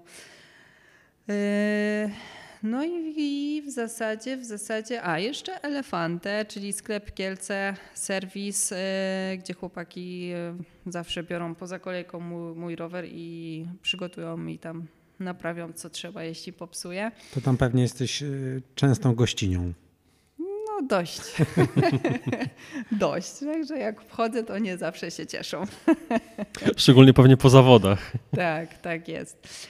No, także sprzętowo gdzieś tam można się powiedzmy wyposażyć, jeżeli dobrze się rozegra y, ten temat i mm, przedstawi swoją osobę y, światu w social mediach. Jeżeli chodzi o stronę finansową, to jest to totalna katastrofa i w zasadzie głównym sponsorem to jestem ja, ewentualnie dorzuci się mama albo babcia, czy tam tata z dziadkiem, żeby się nie czuli pokrzywdzeni. To dwa takie obozy, męski i żeński. Tak, dokładnie. No pamiętam jest. tą twoją wrzutkę właśnie odnośnie zapisywania się na zawody w czerwcu. Popraw mnie, 600 euro wtedy poszło? 610 euro, tak. Na tak. trzy wyścigi chyba, tak? Czy cztery? Cztery. cztery. To samowpisowe, tak? Tak, samo wpisowe, samowpisowe. tak. Mhm. Czyli koło 800 zł, czy tam ponad 800 zł kosztuje wpisowe na jeden wyścig na Pucharze Świata. No właśnie, to jest jakby twój docelowy moment w tym sezonie, ten czerwiec? W zasadzie tak, bo to mm, będą trzy wyścigi w czerwcu, więc to będzie ciężki czerwiec. No i potem jeszcze wrzesień, gdzie wspomniałeś o tym połączeniu tych wszystkich e, pucharów świata z wszystkich dyscyplin kolarstwa górskiego. E, Więc to takie główne cele na, na ten sezon, nie? No tak, bo tutaj podglądam w kalendarz, bo nie mam aż tak wszystkiego w głowie. Mhm. Rozumiem, że to mówimy teraz o wrześniu, to będzie Francja prawdopodobnie. Tak jest. E, chyba Leże, tak? Tam będzie jako, jak, bo to jest... E... Powiem ci, że na tą chwilę nie wiem. Ale dokładnie. też rozumiem, że planujesz ten francuski finał. Mm, Tak. Jest ten start, czyli, Tak, czyli tak, czerwiec. A Mistrzostwa Polski są w kalendarzu chyba w sierpniu? Czy jeszcze nie, wiem, są czy- ogłoszone w ogóle? Nie wiem, czy nie w lipcu są w tym roku Okej. jak na razie, ale chyba ten termin jeszcze nie został ostatecznie potwierdzony. Mhm. Nie wiem, czy nie 7 lipca, 7-9, coś takiego. To będziesz w gazie akurat po tym czerwcu. Albo będę tak wykończona, że już nie będę mogła patrzeć na, akurat w tym tygodniu na rower, także zobaczymy. E, Starty w Pucharze Świata, no to, to nie przelewki. Nawet jeśli mówisz, że liczy się wszystkim fun i flow, jedziesz z jakimś celem sportowym na, na te zawody, na, na Puchar Świata w czerwcu? Wiesz Masz jakiś punkt odniesienia z poprzednich sezonów, poprzednich startów, e, coś chciałabyś poprawić, czy, Mhm. czy raczej patrzysz na rywalki niż na samą siebie i swój własny wynik? W zeszłym roku miałam taki swój cichy cel wbić się do pierwszej dziesiątki. Przynajmniej na jednym OS-ie. Marzeniem było w ogóle skończyć e, wyścig w pierwszej dziesiątce, no ale niestety to się, to się nie udało. Udało się wbić na jednym z OS-ów e, na dziewiąte miejsce. I to było w miejscówce, w której byłam już, e, znaczy już, drugi raz, e, czyli w Val di Fassa. E, Też fajny To akcent. Włochy, tak? Tak, Włochy. Mhm. Też fajny akcent, bo za mną była e, Walentyna Hall, czyli mistrzyni świata Mhm. w zjeździe. I to było tak, taka no, fajna, fajna nutka motywacji. No ale tak jak mówię, niestety nie, nie, nie udało się utrzymać e, tej pozycji dziewiątej i ostatecznie wylądowałam na 17 miejscu i w zasadzie to był mój mm, najlepszy wynik, jeżeli chodzi o Puchar Świata. Jak szeroka, jak długa jest stawka, jeśli chodzi o Puchar Świata? To jest 30, 50 zawodniczek, jak, jak to wygląda? No zależy od wyścigu, ale z reguły prawie 40 zawodniczych. Mhm. Czyli byłaś w pierwszej części po, po, do połowy stawki, Tak nie? de jest, facto. tak. A jakie to są straty do zwyciężczyni? Bo ostatnio było widać e, chociażby wyniki Sławka Łukasika. On chyba ostatnio w Tanzanii startował. I to był wyścig siedmiodniowy, dobrze pamiętam? Mhm, coś w tym stylu. Tak chyba mi się wydaje. I tam e, różnica między nim a, a zawodnikiem z drugiej pozycji to było tam raptem kilka sekund. E, Więc jak to wygląda tutaj na EWS-ie? U dziewczyn to są troszeczkę większe odstępy czasowe. Yy, szczególnie jeśli mówimy o drugiej dziesiątce. No, mnie tam zazwyczaj wtedy po, jakby po całym wyścigu brakuje tak e, od 3 do 5 minut, Mhm. więc dużo i niedużo. tak bym mogła powiedzieć. Ja jakby, wiesz, ja wiem, co się działo na trasie, jakie błędy popełniłam, czy był jakiś defekt, ile razy leżałam i tak dalej i jestem w stanie realnie ocenić, y, na co było mnie stać, a co powinnam pojechać, nie? Robisz sobie taki rachunek sumienia po zakończonym wyścigu, właśnie e, taką analizę, tu mogłam pojechać tak, tu popełniłam taki błąd. Tak, tak, tak. I właśnie pamiętam, że po tym odcinku, gdzie pojechałam na dziewiątą pozycję, miałam takie właśnie przeświadczenie, że kurczę, pojechałam maksa, że ja tam nie wiem, co musiałabym więcej zrobić, żeby mieć lepszy czas, nie? I wtedy będąc na tej dziewiątej pozycji, o ile dobrze pamiętam, do pierwszej miałam 10 sekund straty, nie? Czyli pierwsza dziesiątka mieściła się w 10 sekundach, nie? Po, jednym, po jednym jakby odcinku. Natomiast już jak mm, masz czas całych zawodów, no to te mm, odstępy czasowe są większe. Małe sprostowanie. Nie Tanzania, tylko Tasmania. Tasmania. E, to jest taka drobna A, rzecz, co Tak. są dwie wyspy sąsiadujące ze sobą akurat. E, I zawodnik trwał e, siedmiu dni, bo tak spojrzałem na szybko, Mhm. tylko to były dwa weekendy jeden po drugim po prostu, więc e, Aha, dość okej. naturalne, że jeśli impreza odbywa się gdzieś na drugim końcu świata, no to, to z reguły są im- imprezy weekend po weekendzie. Tak samo, że to jest w cross country, kiedy mamy Stany Zjednoczone. A spojrzałeś na wyniki, jaka tam była Nie, nie, przewaga? tylko na kalendarz akurat A, i na mapę ge- geograficzną. Pojeździłeś palcem po globusie. Wiecie, u panów to czasami między pierwszym a drugim miejsc, miejscem po całym wyścigu potrafi e, być e, pół sekundy, czy nawet mniej. Co jest w ogóle, wiesz, masz 40 minut wyścigu e, ze wszystkich OS-ów i nagle tu się okazuje, że ktoś przegrywa podium o półtorej sekundy. Trochę jak Formuła 1, jak slalom na, mniej. w narciarstwie, prawda? No, są, są no, takie dokładnie, właśnie dokładnie. Wś- dyscypliny, gdzie te różnice są naprawdę minimalne, a poziom jest totalnie wyśrubowany. tak, Tak. wśród panów ten No w pływaniu. Wśród, Tak, tak. wśród panów jest mega wysoki poziom i, i to widać z roku na rok, że ten poziom po prostu wzrasta właśnie. No, Widać to po tych różnicach czasowych, nie? No w zeszłym roku chyba Sławkowi zabrakło yy, 30 do podium, gdzie czwarte, czwarte miejsce miał. A masz jakąś taką swoją sportową idolkę? Kolarską? E. Enduro, lidor, e, Enduro? idolkę? No powiem wam, że to takie trudne pytanie. Tu nie ma prostych pytań. Yy, Bo mi się przypomniało teraz e, moje zdjęcie z ubiegłego roku z Włoch e, z samym Hillem, którego zawsze gdzieś tam podziwiałem jeszcze, jak e, ścigał się w zjeździe. No i jak go ujrzałem, to wiecie, to górnik był po prostu oczarowany i musiał dwa razy nawet sama złapać i, i zrobić sobie z nim zdjęcie. Powiem wam tak, że w enduro to wiecie, ja też się tak z, ścigam z tymi dziewczynami i tak nie, Nie, ma mam. mowy o przyjaźni? Słucham? Nie ma mowy o przyjaźni? Koleżanki z pracy. Nie, jakby może nie przyjaźń to trochę za duże, za duże słowo, ale to ym, ta społeczność enduro jest fajna, bo właśnie oni się tak koleżeńsko wszyscy mega traktują, są, wspierają się na zawodach, pomagają nawet jak mają jakieś defekty, więc y, to jest mega fajne, bo to jest taka rodzinka, rodzinna atmosfera.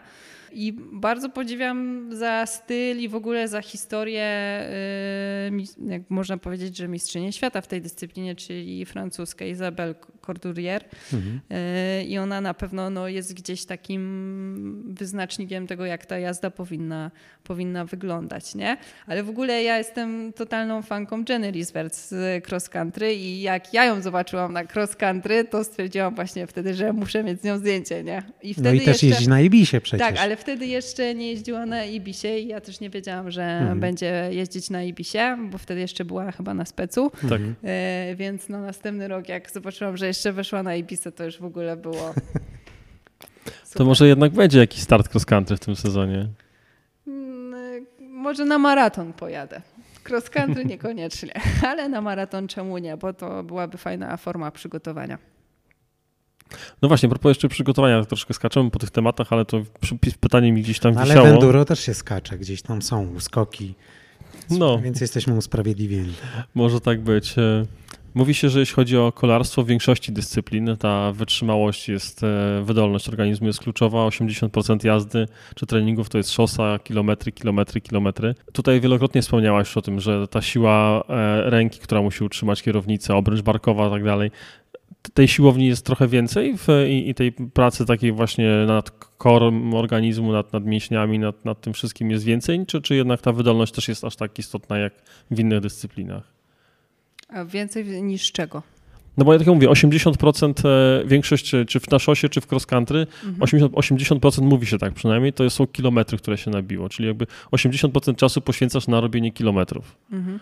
E, spędzasz go na rowerze, 20% to są jakby inne, e, inne czynności jakby treningowe, typu okay. właśnie siłownia i tak dalej. Jak, jak to wygląda właśnie w enduro, na ile ta, ta noga jest ważna, a na ile właśnie te, te mięśnie, które właśnie tutaj decydują o tym, żeby tą kierownicę na przez te nawet 17 minut utrzymać w ryzach. To ja zacznę odpowiedzieć od trochę innej strony na to pytanie. Bo powiem szczerze, że mm, jak ja byłam gdzieś tam młodziczką, juniorką, to dla mnie aspekt siłowni w ogóle nie istniał. I jakby mm, wśród moich trenerów z tego co pamiętam też nie istniał. Że to w ogóle, wiecie, było tak jakby mm, pomijane, nie? W jakim klubie jeździłaś w ogóle? o, tego nie... nie. Lepiej nie mówić na głos takich rzeczy. Szepnij nam na ucho. Wygooglamy zaraz. Ja nie, nie, nie no, jak Kielce to przychodzi mi do głowy tylko jeden klub, ale to rozumiem, że nie mm. wypowiadamy. Nie jeździłam w żadnym, że tak Korona. Powie, powiedzmy, dużym i znaczącym klubie, więc y, nic się takiego nie stanie. Natomiast y, chodzi mi o świadomość, która mhm, zaczęła wzrastać wśród zawodników y, i wśród trenerów, tak, że jednak ta siłownia powinna być i nie tylko w okresie przygotowawczym, ale też w ogóle w trakcie całego sezonu. Bo jeżeli my zrezygnujemy z tej siłowni, to nasze jakby mm, nasza sprawność no i w ogóle siła, poziom siły szybko zacznie spadać, nie? nie podnosząc e, żadnych ciężarów i tylko i wyłącznie jeżdżąc na rowerze. Więc tutaj świadomość w tym zakresie na pewno bardzo, e, bardzo wzrosła. Nie?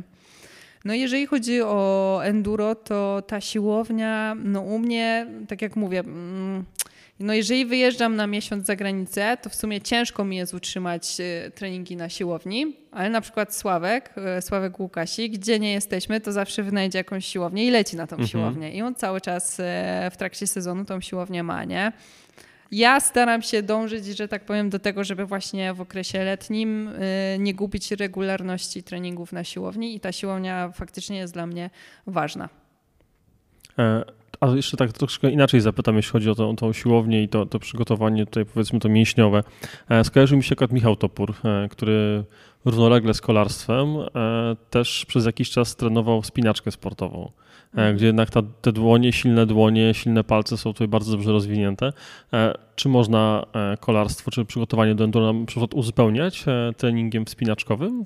Mhm, jak najbardziej. Też można Co jest za... dużo bardziej atrakcyjne niż po prostu robienie tej siłowni, prawda? Na Wiesz, przykład. generalnie ym, wprowadzanie w trening nowych rzeczy, czyli bodźcowanie na nowo naszego organizmu na różne sposoby bardzo pozytywnie wpływa na naszą psychikę w trakcie trenowania. No i nie ma tej monotonii, więc y, łatwiej zachować taką po prostu radość z tego, co się robi, że tu pójdziesz na ściankę, pójdziesz na siłownię, pójdziesz na rower, y, taki, czy tam enduro, czy szosy, czy pump to są zawsze jakieś różne formy aktywności. Głowa nie cierpi. Tak, dokładnie. Mhm. Głowa nie cierpi i ciężko jest się tym znudzić, mhm. nie? Wręcz ja na przykład czasami nie wiem, jak mam upchać w tygodniu wszystko, co bym chciała zrobić w tygodniu nie jestem w stanie tak naprawdę, nie? A to jest też to, co mówiłaś odnośnie znowu cross country, czyli tego, że zmęczyła cię monotonia, rutyna i, i przetrenowanie, które pewnie sprowadzało się do tego, że po prostu się dużo na tym rowerze jeździło i trzeba po prostu było tłuc te kilometry. Tak, dokładnie. No, ja wtedy miałam bardzo niską świadomość tego, jak powinien wyglądać trening, jak może wyglądać trening i jakie e, możliwości mogę sobie stworzyć. Teraz jakby wiem, jak to powinno wyglądać, wiem, do czego mogę dążyć, no i to już jest jakby zupełnie inny poziom i jest mi po prostu dużo fajniej w tym, a też jestem taką osobą, że nawet jak y, zsiadłam z tego roweru, to wiecie, poszłam w jakiś inny sport, nie? I musiałam coś robić, musiałam coś ze sobą robić i brakowało mi też tej rywalizacji, ale no poszłam wtedy w zupełnie innym kierunku, bo po prostu ta głowa musiała odpocząć. Na potwierdzenie jeszcze Twoich słów odnośnie siłowni tutaj e, chciałem przywołać 2011-2012 rok, czyli 11-12 lat temu przygotowania między innymi Mai Włoszczowskiej do Igrzysk Olimpijskich w Londynie, gdzie wtedy prowadzenie kadry i przygotowanie właśnie objął Marek Galiński i on wtedy jako pierwszy, pamiętam to Maja wielokrotnie potem w wywiadach podkreślała, jako pierwszy wprowadził właśnie siłownię jako stały element treningu i przygotowania przez cały sezon. To było, u Marka Galińskiego było, było standardem. Siłownia raz w tygodniu. Mhm. Nie, że zimę spędzamy właśnie na siłowni, pompujemy te mięśnie, a potem to gdzieś tam właśnie, jak mówisz, ucieka, tylko raz w tygodniu co najmniej ta siłownia powinna być. E, I jeszcze inna dyscyplina, żeby było tutaj różnorodnie, kolarstwo przełajowe. E, tutaj pod koniec sezonu jedni, gdzieś tam w którejś relacji zawodów przełajowych padło właśnie, że jeśli chodzi o cyklokros, również e, warto raz w miesiącu, raz, raz w tygodniu, w sezonie nawet letnim na przełajówkę wsiąść i, i te wszystkie skille przełajowe jakby utrwalać, a nie tylko iść w szosę MTB i w, w kilometry. No dokładnie, tak wracając jeszcze do siłowni i kolarstwa, to wiesz, e, jakby jeżdżąc cały czas na rowerze, wiadomo, że sport zawodowy mm, nie za bardzo wiąże się ze zdrowiem, jak to, jak to się mówi. Tak, że to tak, sport tak, to zdrowie, ale niekoniecznie sport zawodowy, nie? I bardzo wiele godzin spędzonych na rowerze też nie, nie zawsze korzystnie wpływa na nasz organizm. Więc e, tutaj bardzo ważne jest e, z mojego punktu widzenia, żeby zadbać o taką sprawność motoryczną, y, o pełne zakresy ruchów, o właśnie aspekt rozciągania, mm, no bo na rowerze jedne mięśnie będą pracować, będą się wzmacniać, a inne osłabiać. A siłownia pozwoli nam to po prostu zrekompensować, I wiesz, dużo koleży na przykład ma pogłębioną e, lordozę lędźwiową albo są bardzo zgarbieni e, i szyja jeszcze wyciągnięta do przodu. Wszystko od tej pozycji na rowerze, nie? Jeżeli to my tego nie zajmiemy się naprawianiem tego, mhm. nie zajmiemy się wzmacnianiem tych mięśni, które bardzo słabo pracują na rowerze, no to tak naprawdę schodzimy z tego roweru pokrzywdzeni, pokrzywdzeni i pokrzywieni. Dlatego nie bez powodu Akurat e, triatlon jest wymieniany jako jedna ze zdrowszych e, dyscyplin z punktu widzenia uprawiania jej mhm. i przygotowywania do niej, ponieważ e, tutaj mamy konieczność uruchomienia wszystkich partii mięśni, bo, bo nie tylko rower, ale też bieganie, pływanie, więc, więc rzeczywiście może sam sport, tak jak mówisz, już na poziomie zawodowym nie jest wybitnie zdrowy, o tyle właśnie triatlon zmusza do przygotowania rzeczywiście całego organizmu. A rowerzysta, czy rowerzysta, czy kolarz musi pamiętać o tych partiach mięśni, które właśnie nie pracują i nadrabiać to różnymi właśnie ćwiczeniami. Dokładnie. A powiedziałaś tak przewrotnie, sport to zdrowie. Wcześniej też wspomniałaś o urazie e, nadgarstka. No to muszę zapytać, jakie kontuzje, jakie urazy masz na koncie? No i jak się zabezpieczasz? Czy to są tylko ochraniacze, czy jeździsz też e, w zbroi na przykład? To znaczy tak, przygodę z rowerem enduro zaczęłam od złamania ręki i to y, w ramach ciekawostki powiem, że złamałam ją w Warszawie w Lesie Bielańskim. O, wcześniej wracając, wracając z serwisu na rowerze, jeszcze w ogóle bez kasku, też mądrze. O nie, o nie. Tak, stwierdziłam sobie, że no, poszłam na serwis, bo blisko miałam na serwis e, po rower i stwierdziłam sobie w drodze powrotnej, a to wrócę sobie przez lasek do akademika. No i się okazało, że rower jakby był mega świeży, bo e, dopiero co złożony i miał chyba ze dwa tygodnie. Więc też jeszcze nie za bardzo byłam zorientowana w tym, jak powinno zostać e, mm, ustawione zawieszenie. No i okazało się, że jak jechałam sobie przez ten lasek bielański i puściła mnie wodza fantazji, gdzieś tam zjeżdżałam z takiego jednego z tych najwyższych kopców i jakby jechałam w kierunku... Tam do strumienia. Wieloryb, tak? tak? Możliwe, że to jest Chyba, to. Nie, nie, wieloryb to jest ten, ten na, na górze, na Bochenku. To nie, nie, nie, nie, nie. Raczej mówimy o tym e, w tej tak zwanej nielegalnej części, tam niedaleko tych schodów takich, e, no, gdzie tam, no, gdzie nie no, wolno jeździć, tak. tam jest taki, taki A, bardzo długi okay. zjazd. Aż do, do strumienia się do zjeżdża. Do strumienia i tak, trzeba tak. przez jakby koryto strumienia tak. przejechać w poprzek. Tak, tak, tak, No dokładnie. i ja tam wpadłam z mega dużą prędkością, że tak, że to koryto zadziałało jak wyrzutnia i po prostu mnie katapultował rower, także ja leciałam na Supermana na drzewo, tak? I tylko sobie pomyślałam, tylko nie głowa, nie? drzewo było naprawdę solidne, więc e, rower poszedł na jedną stronę drzewa, ja od tego drzewa się odbiłam i e, no ręka... Ręka przyjęła Ręka, całą tak, energię. przyjęła, bo tak obrysowałam się lewą stroną ciała i wylądowałam na plecach, więc faktycznie gdzieś tam ja tymi rękami zadziałałam, żeby nie uderzyć po Mhm. prostu głową w e, to drzewo, nie? To i tak szczęśliwie, takie- że tylko kontuzja ręki. Tak, Wtedy.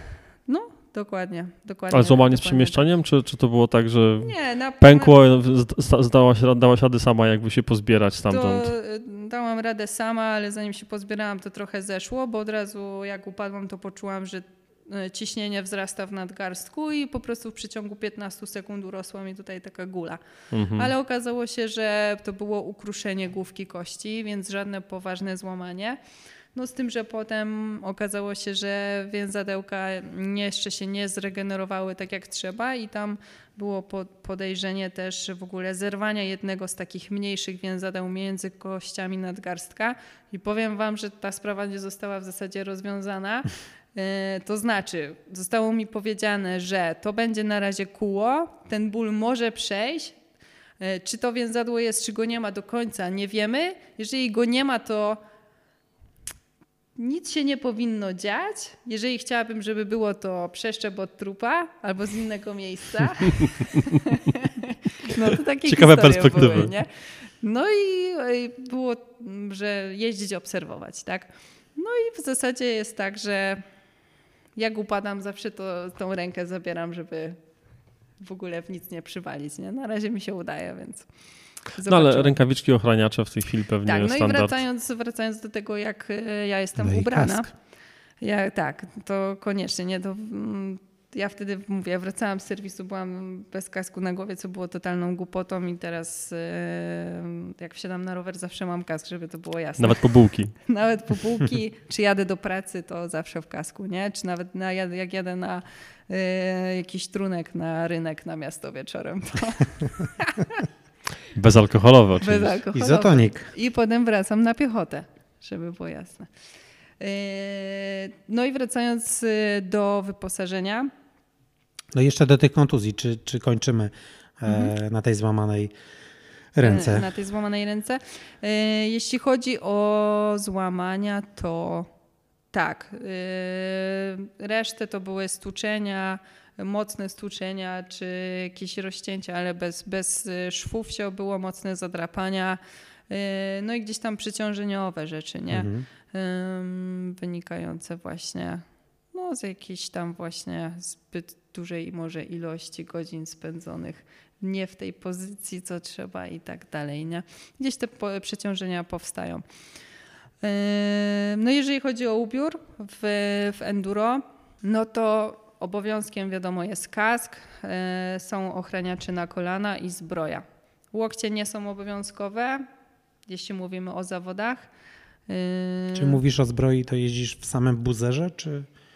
Tak, mam taką Mhm. zbroję, która przypomina buzer, natomiast e, E, buzer, Wytłumaczcie dla lajka, bo jeśli chodzi buzer o to tego jest buzera. taka zbroja, że, że masz ją tutaj na klatkę piersiową, powiedzmy do wysokości mostka, tak można powiedzieć, i z tyłu Mhm. w zasadzie jest podobnie. Taka chyba z motocrossu się Mhm. Tak, tak, to tak. wywodzi.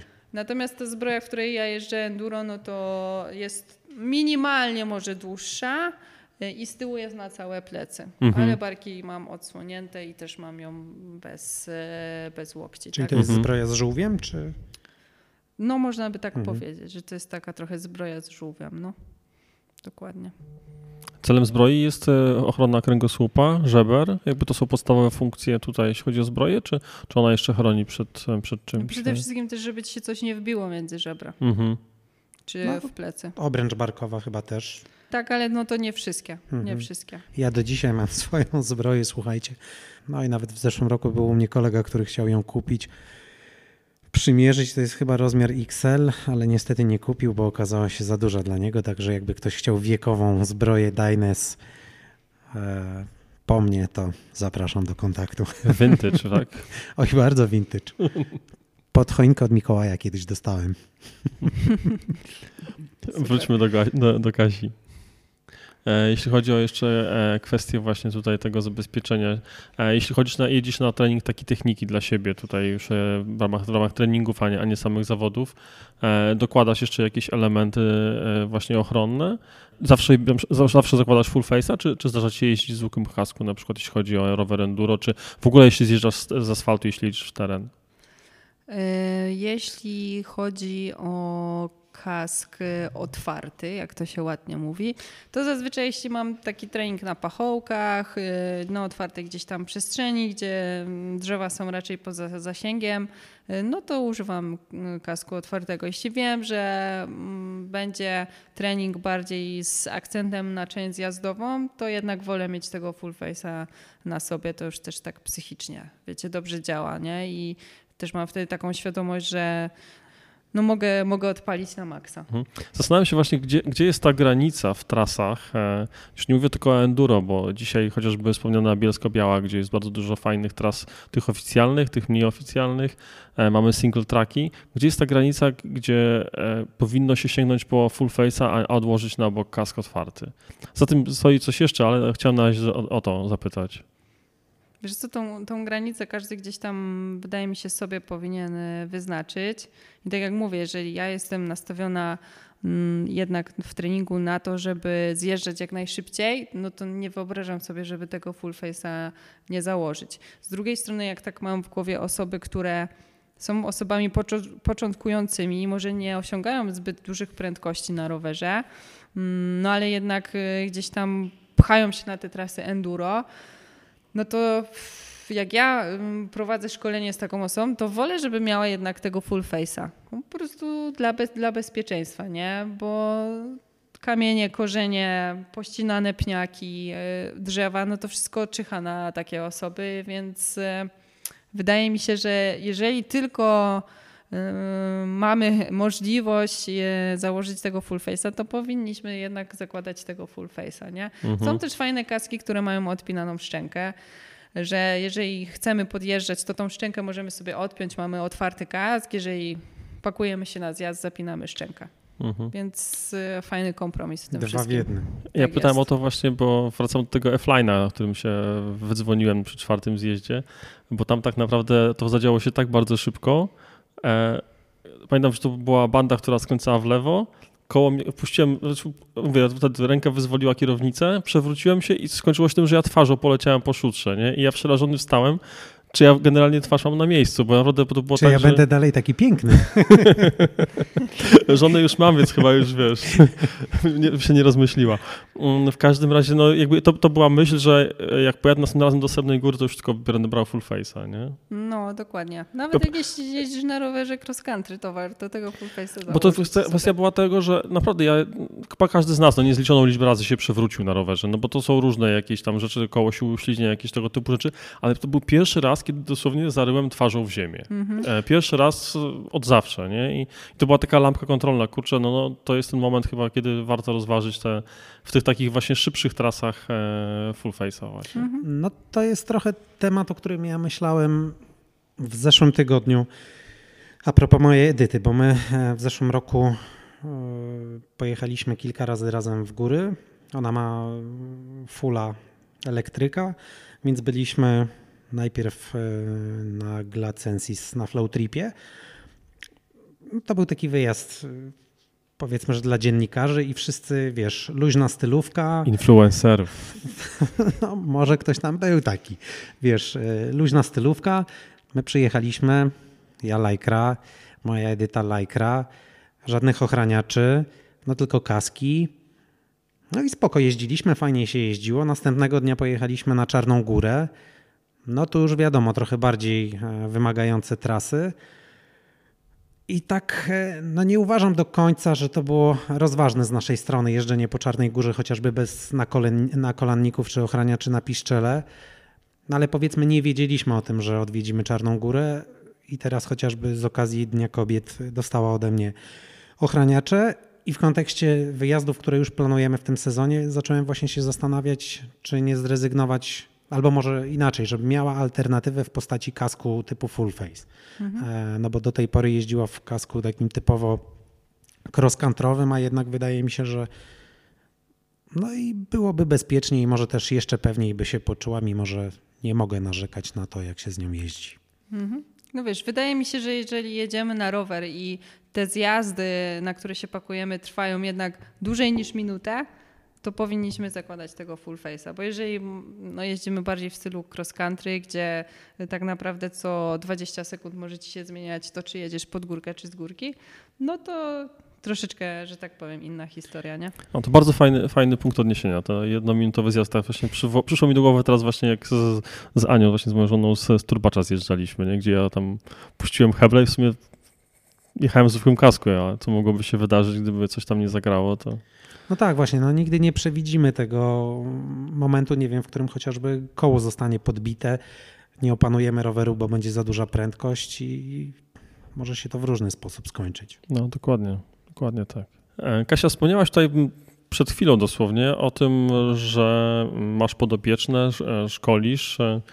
We wspomnianym wywiadzie już dwukrotnie e, u Doroty, u Mamby, e, padło, że byłaś w sztabie szkoleniowym Arka Perina. Na ile dzisiaj jesteś jakby zaangażowana w edukację, w, w zarażanie pasją do, do enduro, do, do zjazdów, e, jeśli chodzi o inne kobiety, dziewczyny, dzieci, młodzież? Mhm. No, można powiedzieć, że prowadzę taką działalność szkoleniową pod hasłem wkorpach.pl, więc jak najbardziej można znaleźć tam kontakt do mnie, zapisać się na szkolenie. To jest twój projekt? Tak, tak. E, zapisać się na takie szkolenie techniki jazdy na rowerze górskim. Nie jest to powiedziane, że ktoś musi być na rowerze enduro, absolutnie. E, natomiast wiadomo, opieramy się gdzieś tam o kolarstwo górskie, więc e, generalnie rower górski. Szkole różne osoby początkujące, średnio zaawansowane, zaawansowane. Czy to... Szkolenia są na telegrafie? W różnych miejscach tak naprawdę. Mm, Kielce, czy to Telegraf, czy to okolice Skoczni, czy po prostu okolice leśne, jeleniowskie ścieżki, Bielsko-Biała, Srebrnogóra, bo gdzieś tam w okresie wakacyjnym dużo się przemieszczam mhm. i gdzieś tam osoby chętnie też y, łapią się ze mną na takich popularnych miejscówkach rowerowych właśnie na takie y, szkolenia. Y, więc jestem tutaj mobilna, można to głównie powiedzieć. kobiety? Nie, nie mogę powiedzieć, że głównie kobiety, różnie. Naprawdę. Głównie dorośli? Tego też nie mogę powiedzieć. To dobrze akurat. Dzieci, Potrzebujemy dzieci kobiety, i młodzieży.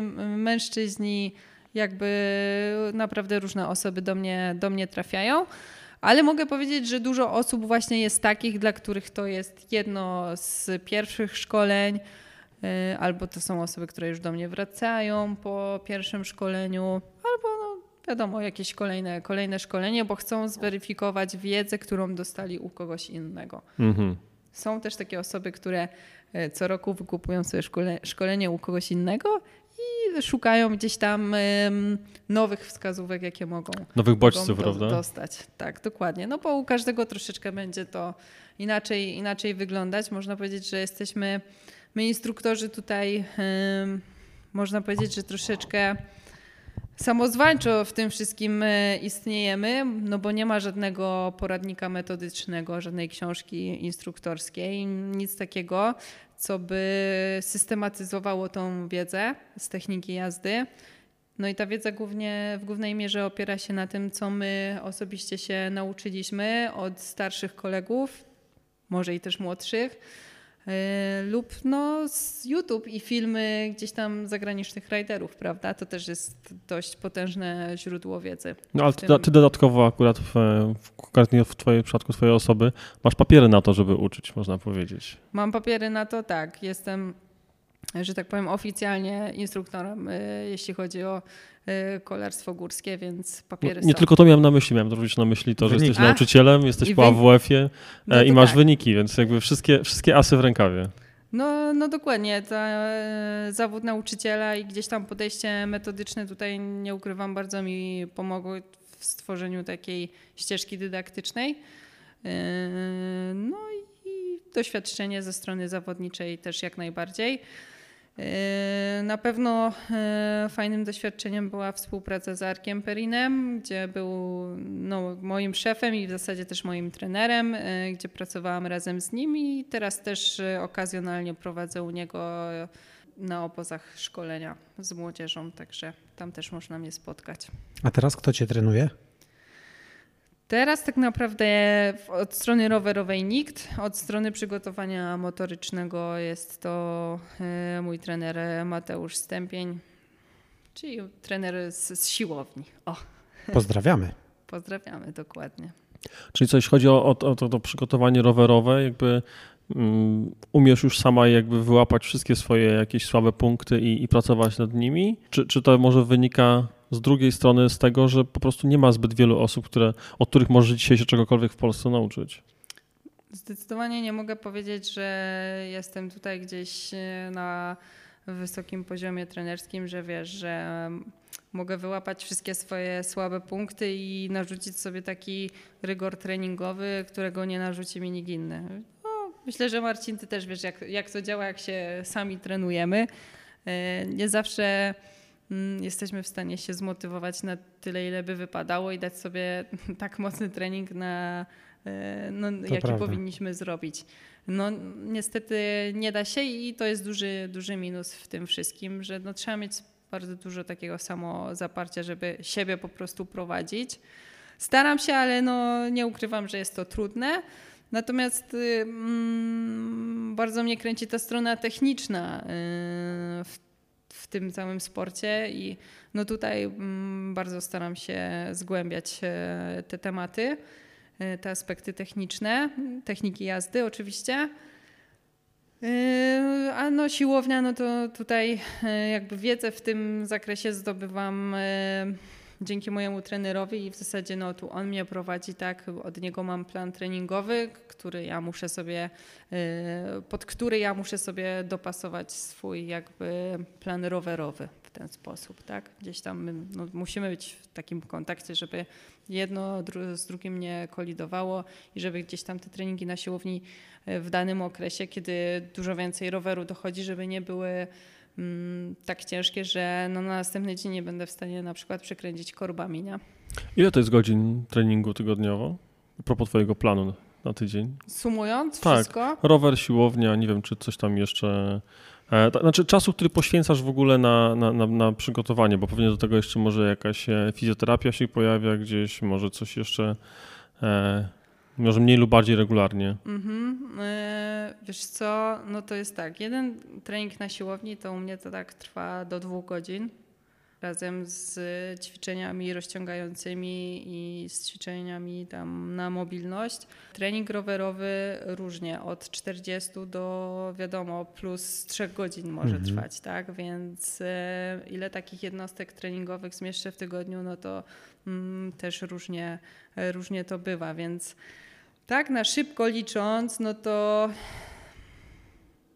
4, 6, 8, 10, 11 godzin 11 godzin spędzam tak czysto na treningu, tak mhm. powiedzmy, tak, no to jakby ciężko mi jest też y, w okresie, kiedy pracuję, pozwolić sobie na więcej, w okresie takim y, jesiennym, kiedy no jest ciemno, mhm. tak, tak. No to wiadomo, tych, tych godzin jest mało. Natomiast jeśli teraz mówimy o, o, okresie wakacyjnym, no to tych godzin będzie znacznie więcej. No i też ja dzień będę, jest dłuższy, więc łatwiej tak, czas. Dzień jest dłuższy, więc e, ja praktycznie codziennie będę e, coś robić, nie? Więc to, no, to już dwukrotnie wzrośnie mi. No tak, tak, tak, tak, tak. No, ale to jest tak, człowiek półtorej, dwie godziny dziennie praktycznie wychodzi tutaj e, samego treningu, a do tego jeszcze całe przygotowanie, prawda? To, to rozmawialiśmy o tym wyjściu na rower na, na dwór, tak. no, kiedy ja trzeba się ubrać na cebulę. wiesz, ci nie liczę. No tak, tak, tak, oczywiście. E, to już w ogóle, no to jest kosmos i w tym wszystkim to jest najgorsze, że e, często nie ma czasu na odpowiednią regenerację. I znowu, jak się nie, nie ma tej regeneracji, to na następny dzień ciężko jest podejść do jakiejś cięższej jednostki treningowej, nie? I... A dopiero co dzisiaj, Marcin, o regeneracji właśnie rozmawialiśmy, nie? Jak bardzo istotny jest to element. Tak, przywołując jeden z wpisów na Facebooku. No, bardzo, bardzo istotny. Ja też zaczynam to mocno dostrzegać, że okej, okay, zrobię mocną jednostkę treningową, ale jak to jest dzień, w którym ja nie mam potem czasu, żeby, że tak powiem, usiąść sobie na czterech literach i po prostu jak człowiek odpocząć, to ja na następny dzień jestem totalna dętka, nie?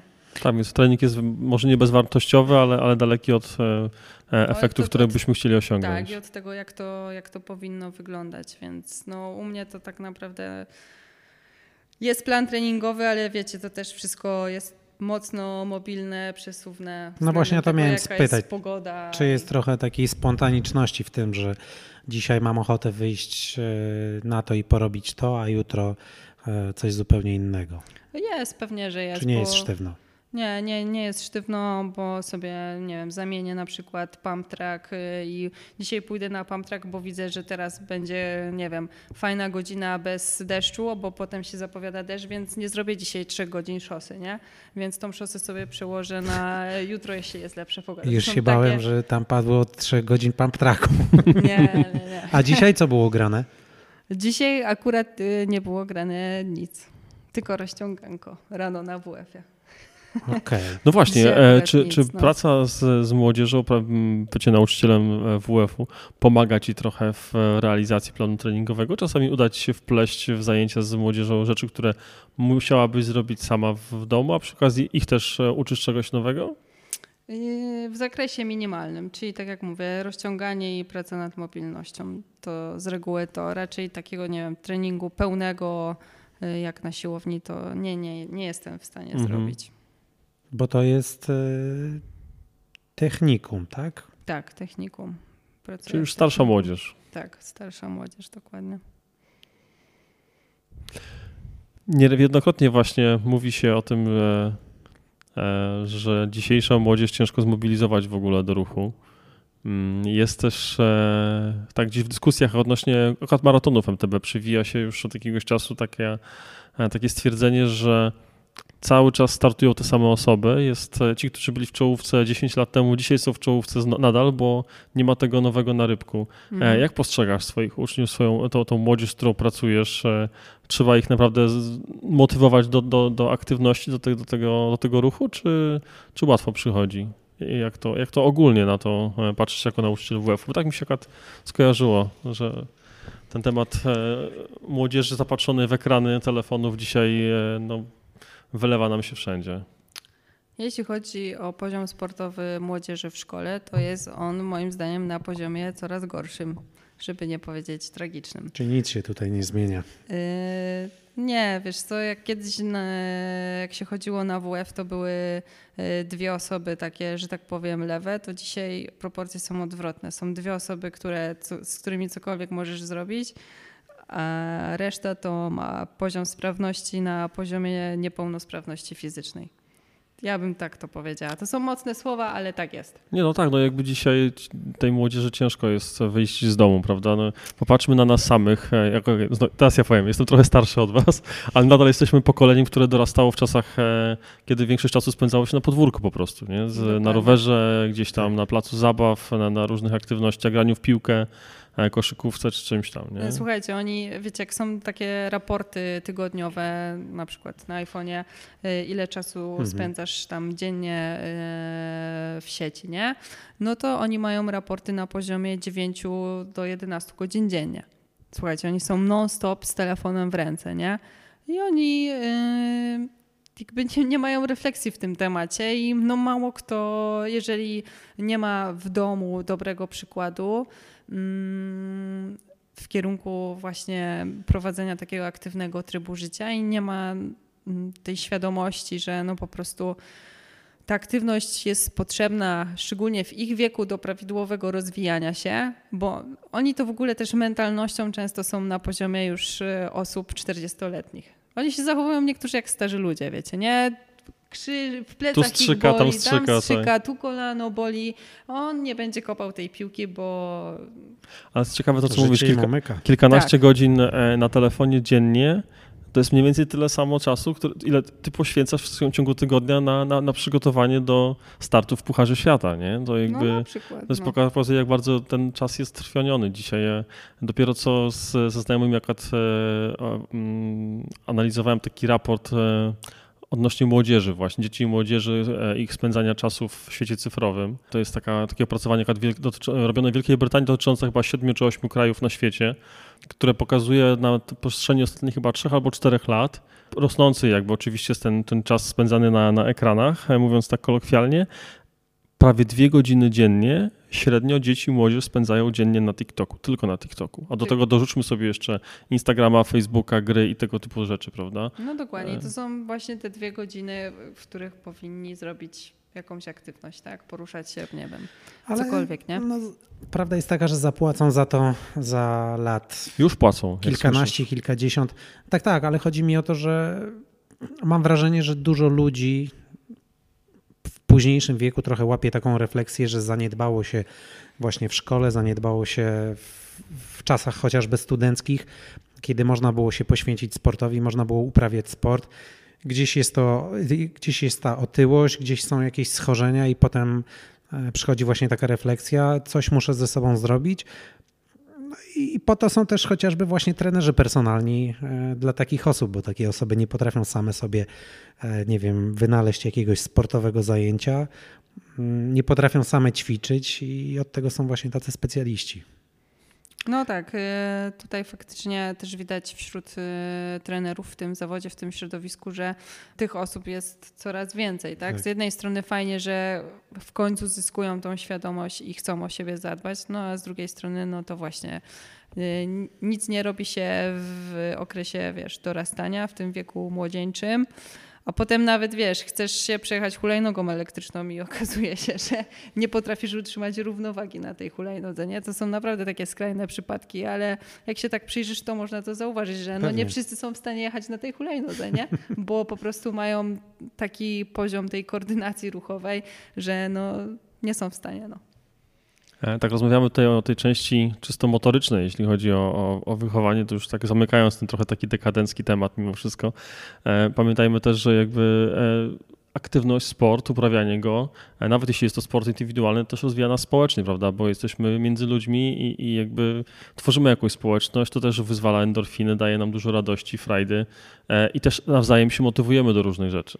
Mm, tak, Więc dokładnie. To, to nie tylko jest takie upośledzenie fizyczno-sprawnościowe, ale też społeczne niestety. To, to już jest kolejny aspekt, jakbyś się tutaj też zagłębił w temat wyników e, badań psychologicznych wśród młodzieży, to też to na pewno byś zobaczył, że coraz więcej z nich potrzebuje. Znaczy, no tak, mam tego pełną świadomość, ale to już no, może nie na ten podcast rozmowa. Dokładnie, coraz więcej z nich potrzebuje, wiesz, takiej pomocy. Pomocy psychologicznej oczywiście.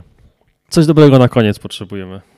Ja jeszcze chciałem zapytać, biorąc pod uwagę to, że wywodzisz się z cross country, z maratonów, jak ty, jako utytułowana zawodniczka enduro, przekonałabyś teraz zawodniczki, które ścigają się w cross country, w maratonach, żeby spróbowały swoich sił w enduro, żeby porzuciły rower z małym skokiem, a przesiadły się na ten z większym?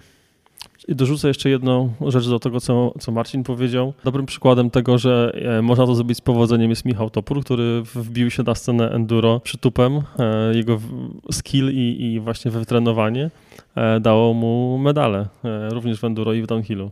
No to widzisz, może tutaj jednym z aspektów zachęcających może być to, że można powalczyć o medale w kolejnej dyscyplinie.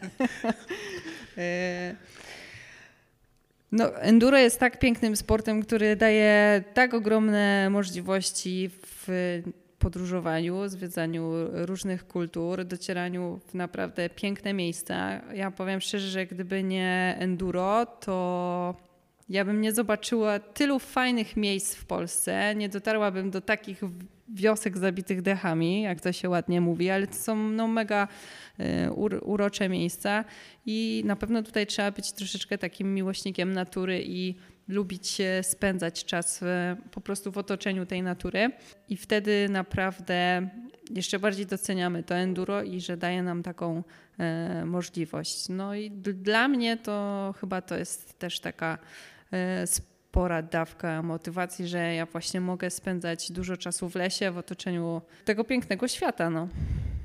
Skojarzyło mi się jeszcze e, a propos tych właśnie zabitych dechami e, wsi, które wspomniałaś. E, nie pamiętam, kto powiedział Kraja, czy, czy to byłby Diabeł, o zasadzie no dig, no ride. Zdarza ci się brać łopatę, grabie i gdzieś tam pracować z jakąś lokalną społecznością na jakichś ścieżkach? Bardziej biorę grabie i gdzieś tam sprzątam trasy i odnawiam, odnawiam linię. E, raczej tak stricte o, na budowaniu to, że tak powiem, słabo się znam, ale jeżeli mam możliwość, to oczywiście gdzieś tam e, chętnie, chętnie pomogę. Też jak pracowałam u Arka Pelina, to w sumie taka um, też zasada istniała, że no, dzień nie może się rozpocząć bez e, porannego przejścia trasą i e, zagrabienia paru kamyczków, więc Jak poranna zaprawa. tak, dokładnie. Więc, więc jak najbardziej. No, gdzieś tam u siebie w tej lokalnej e, społeczności i na lokalnych ścieżkach trochę czasu spędzam z grabkami, ale robię to raczej tak, że tak powiem, po cichaczu, nie w jakiejś grupie, nie w jakimś zespole. E, Jestem, można powiedzieć, trochę takim może dobrym skrzatem, o którym mm, nie każdy wie.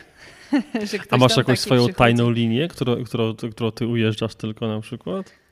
Ym, nie, nie, nie mam takiej linii.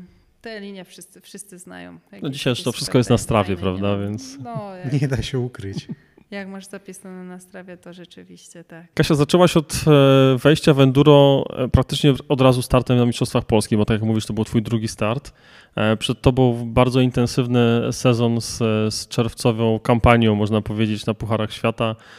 Potem gdzieś Mistrzostwa Polski i na koniec Mistrzostwa i kolejny Puchar Świata we wrześniu. Czy to jest tak, że to jest twój najważniejszy rok w swojej karierze enduro, czy każdy kolejny jest tym najlepszym e, i najważniejszym rokiem w enduro? Na razie całe szczęście jest tak, że każdy następny mój rok jest coraz lepszy i mam nadzieję, że tak pozostanie. Czego ci w takim razie życzyć na ten sezon?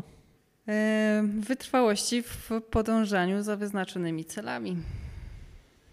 No ja już parę razy w naszej rozmowie wspomniałem dzisiaj mojego cichego informatora Piotrka z Beastie Bikes i on też mi właśnie powiedział, że jesteś e, taką osobą, która jak sobie coś zaplanuje, to dąży do tego z całych sił. Także tego Ci życzymy. Spełniaj się w tym dalej, czerp mnóstwo zajawki jak dotychczas. Trzymamy mocno kciuki. E, No i życzymy tego top 10 na Pucharze Świata, a dzięki Eurosport, jak dobrze zrozumiałem, jeśli chodzi o te przekazy, będziemy mogli oglądać e, Cię na żywo, także na pewno tutaj słuchacze podcastu będą mocno trzymali kciuki. Tak, super. Dziękuję Wam bardzo za super pytania. Dziękujemy.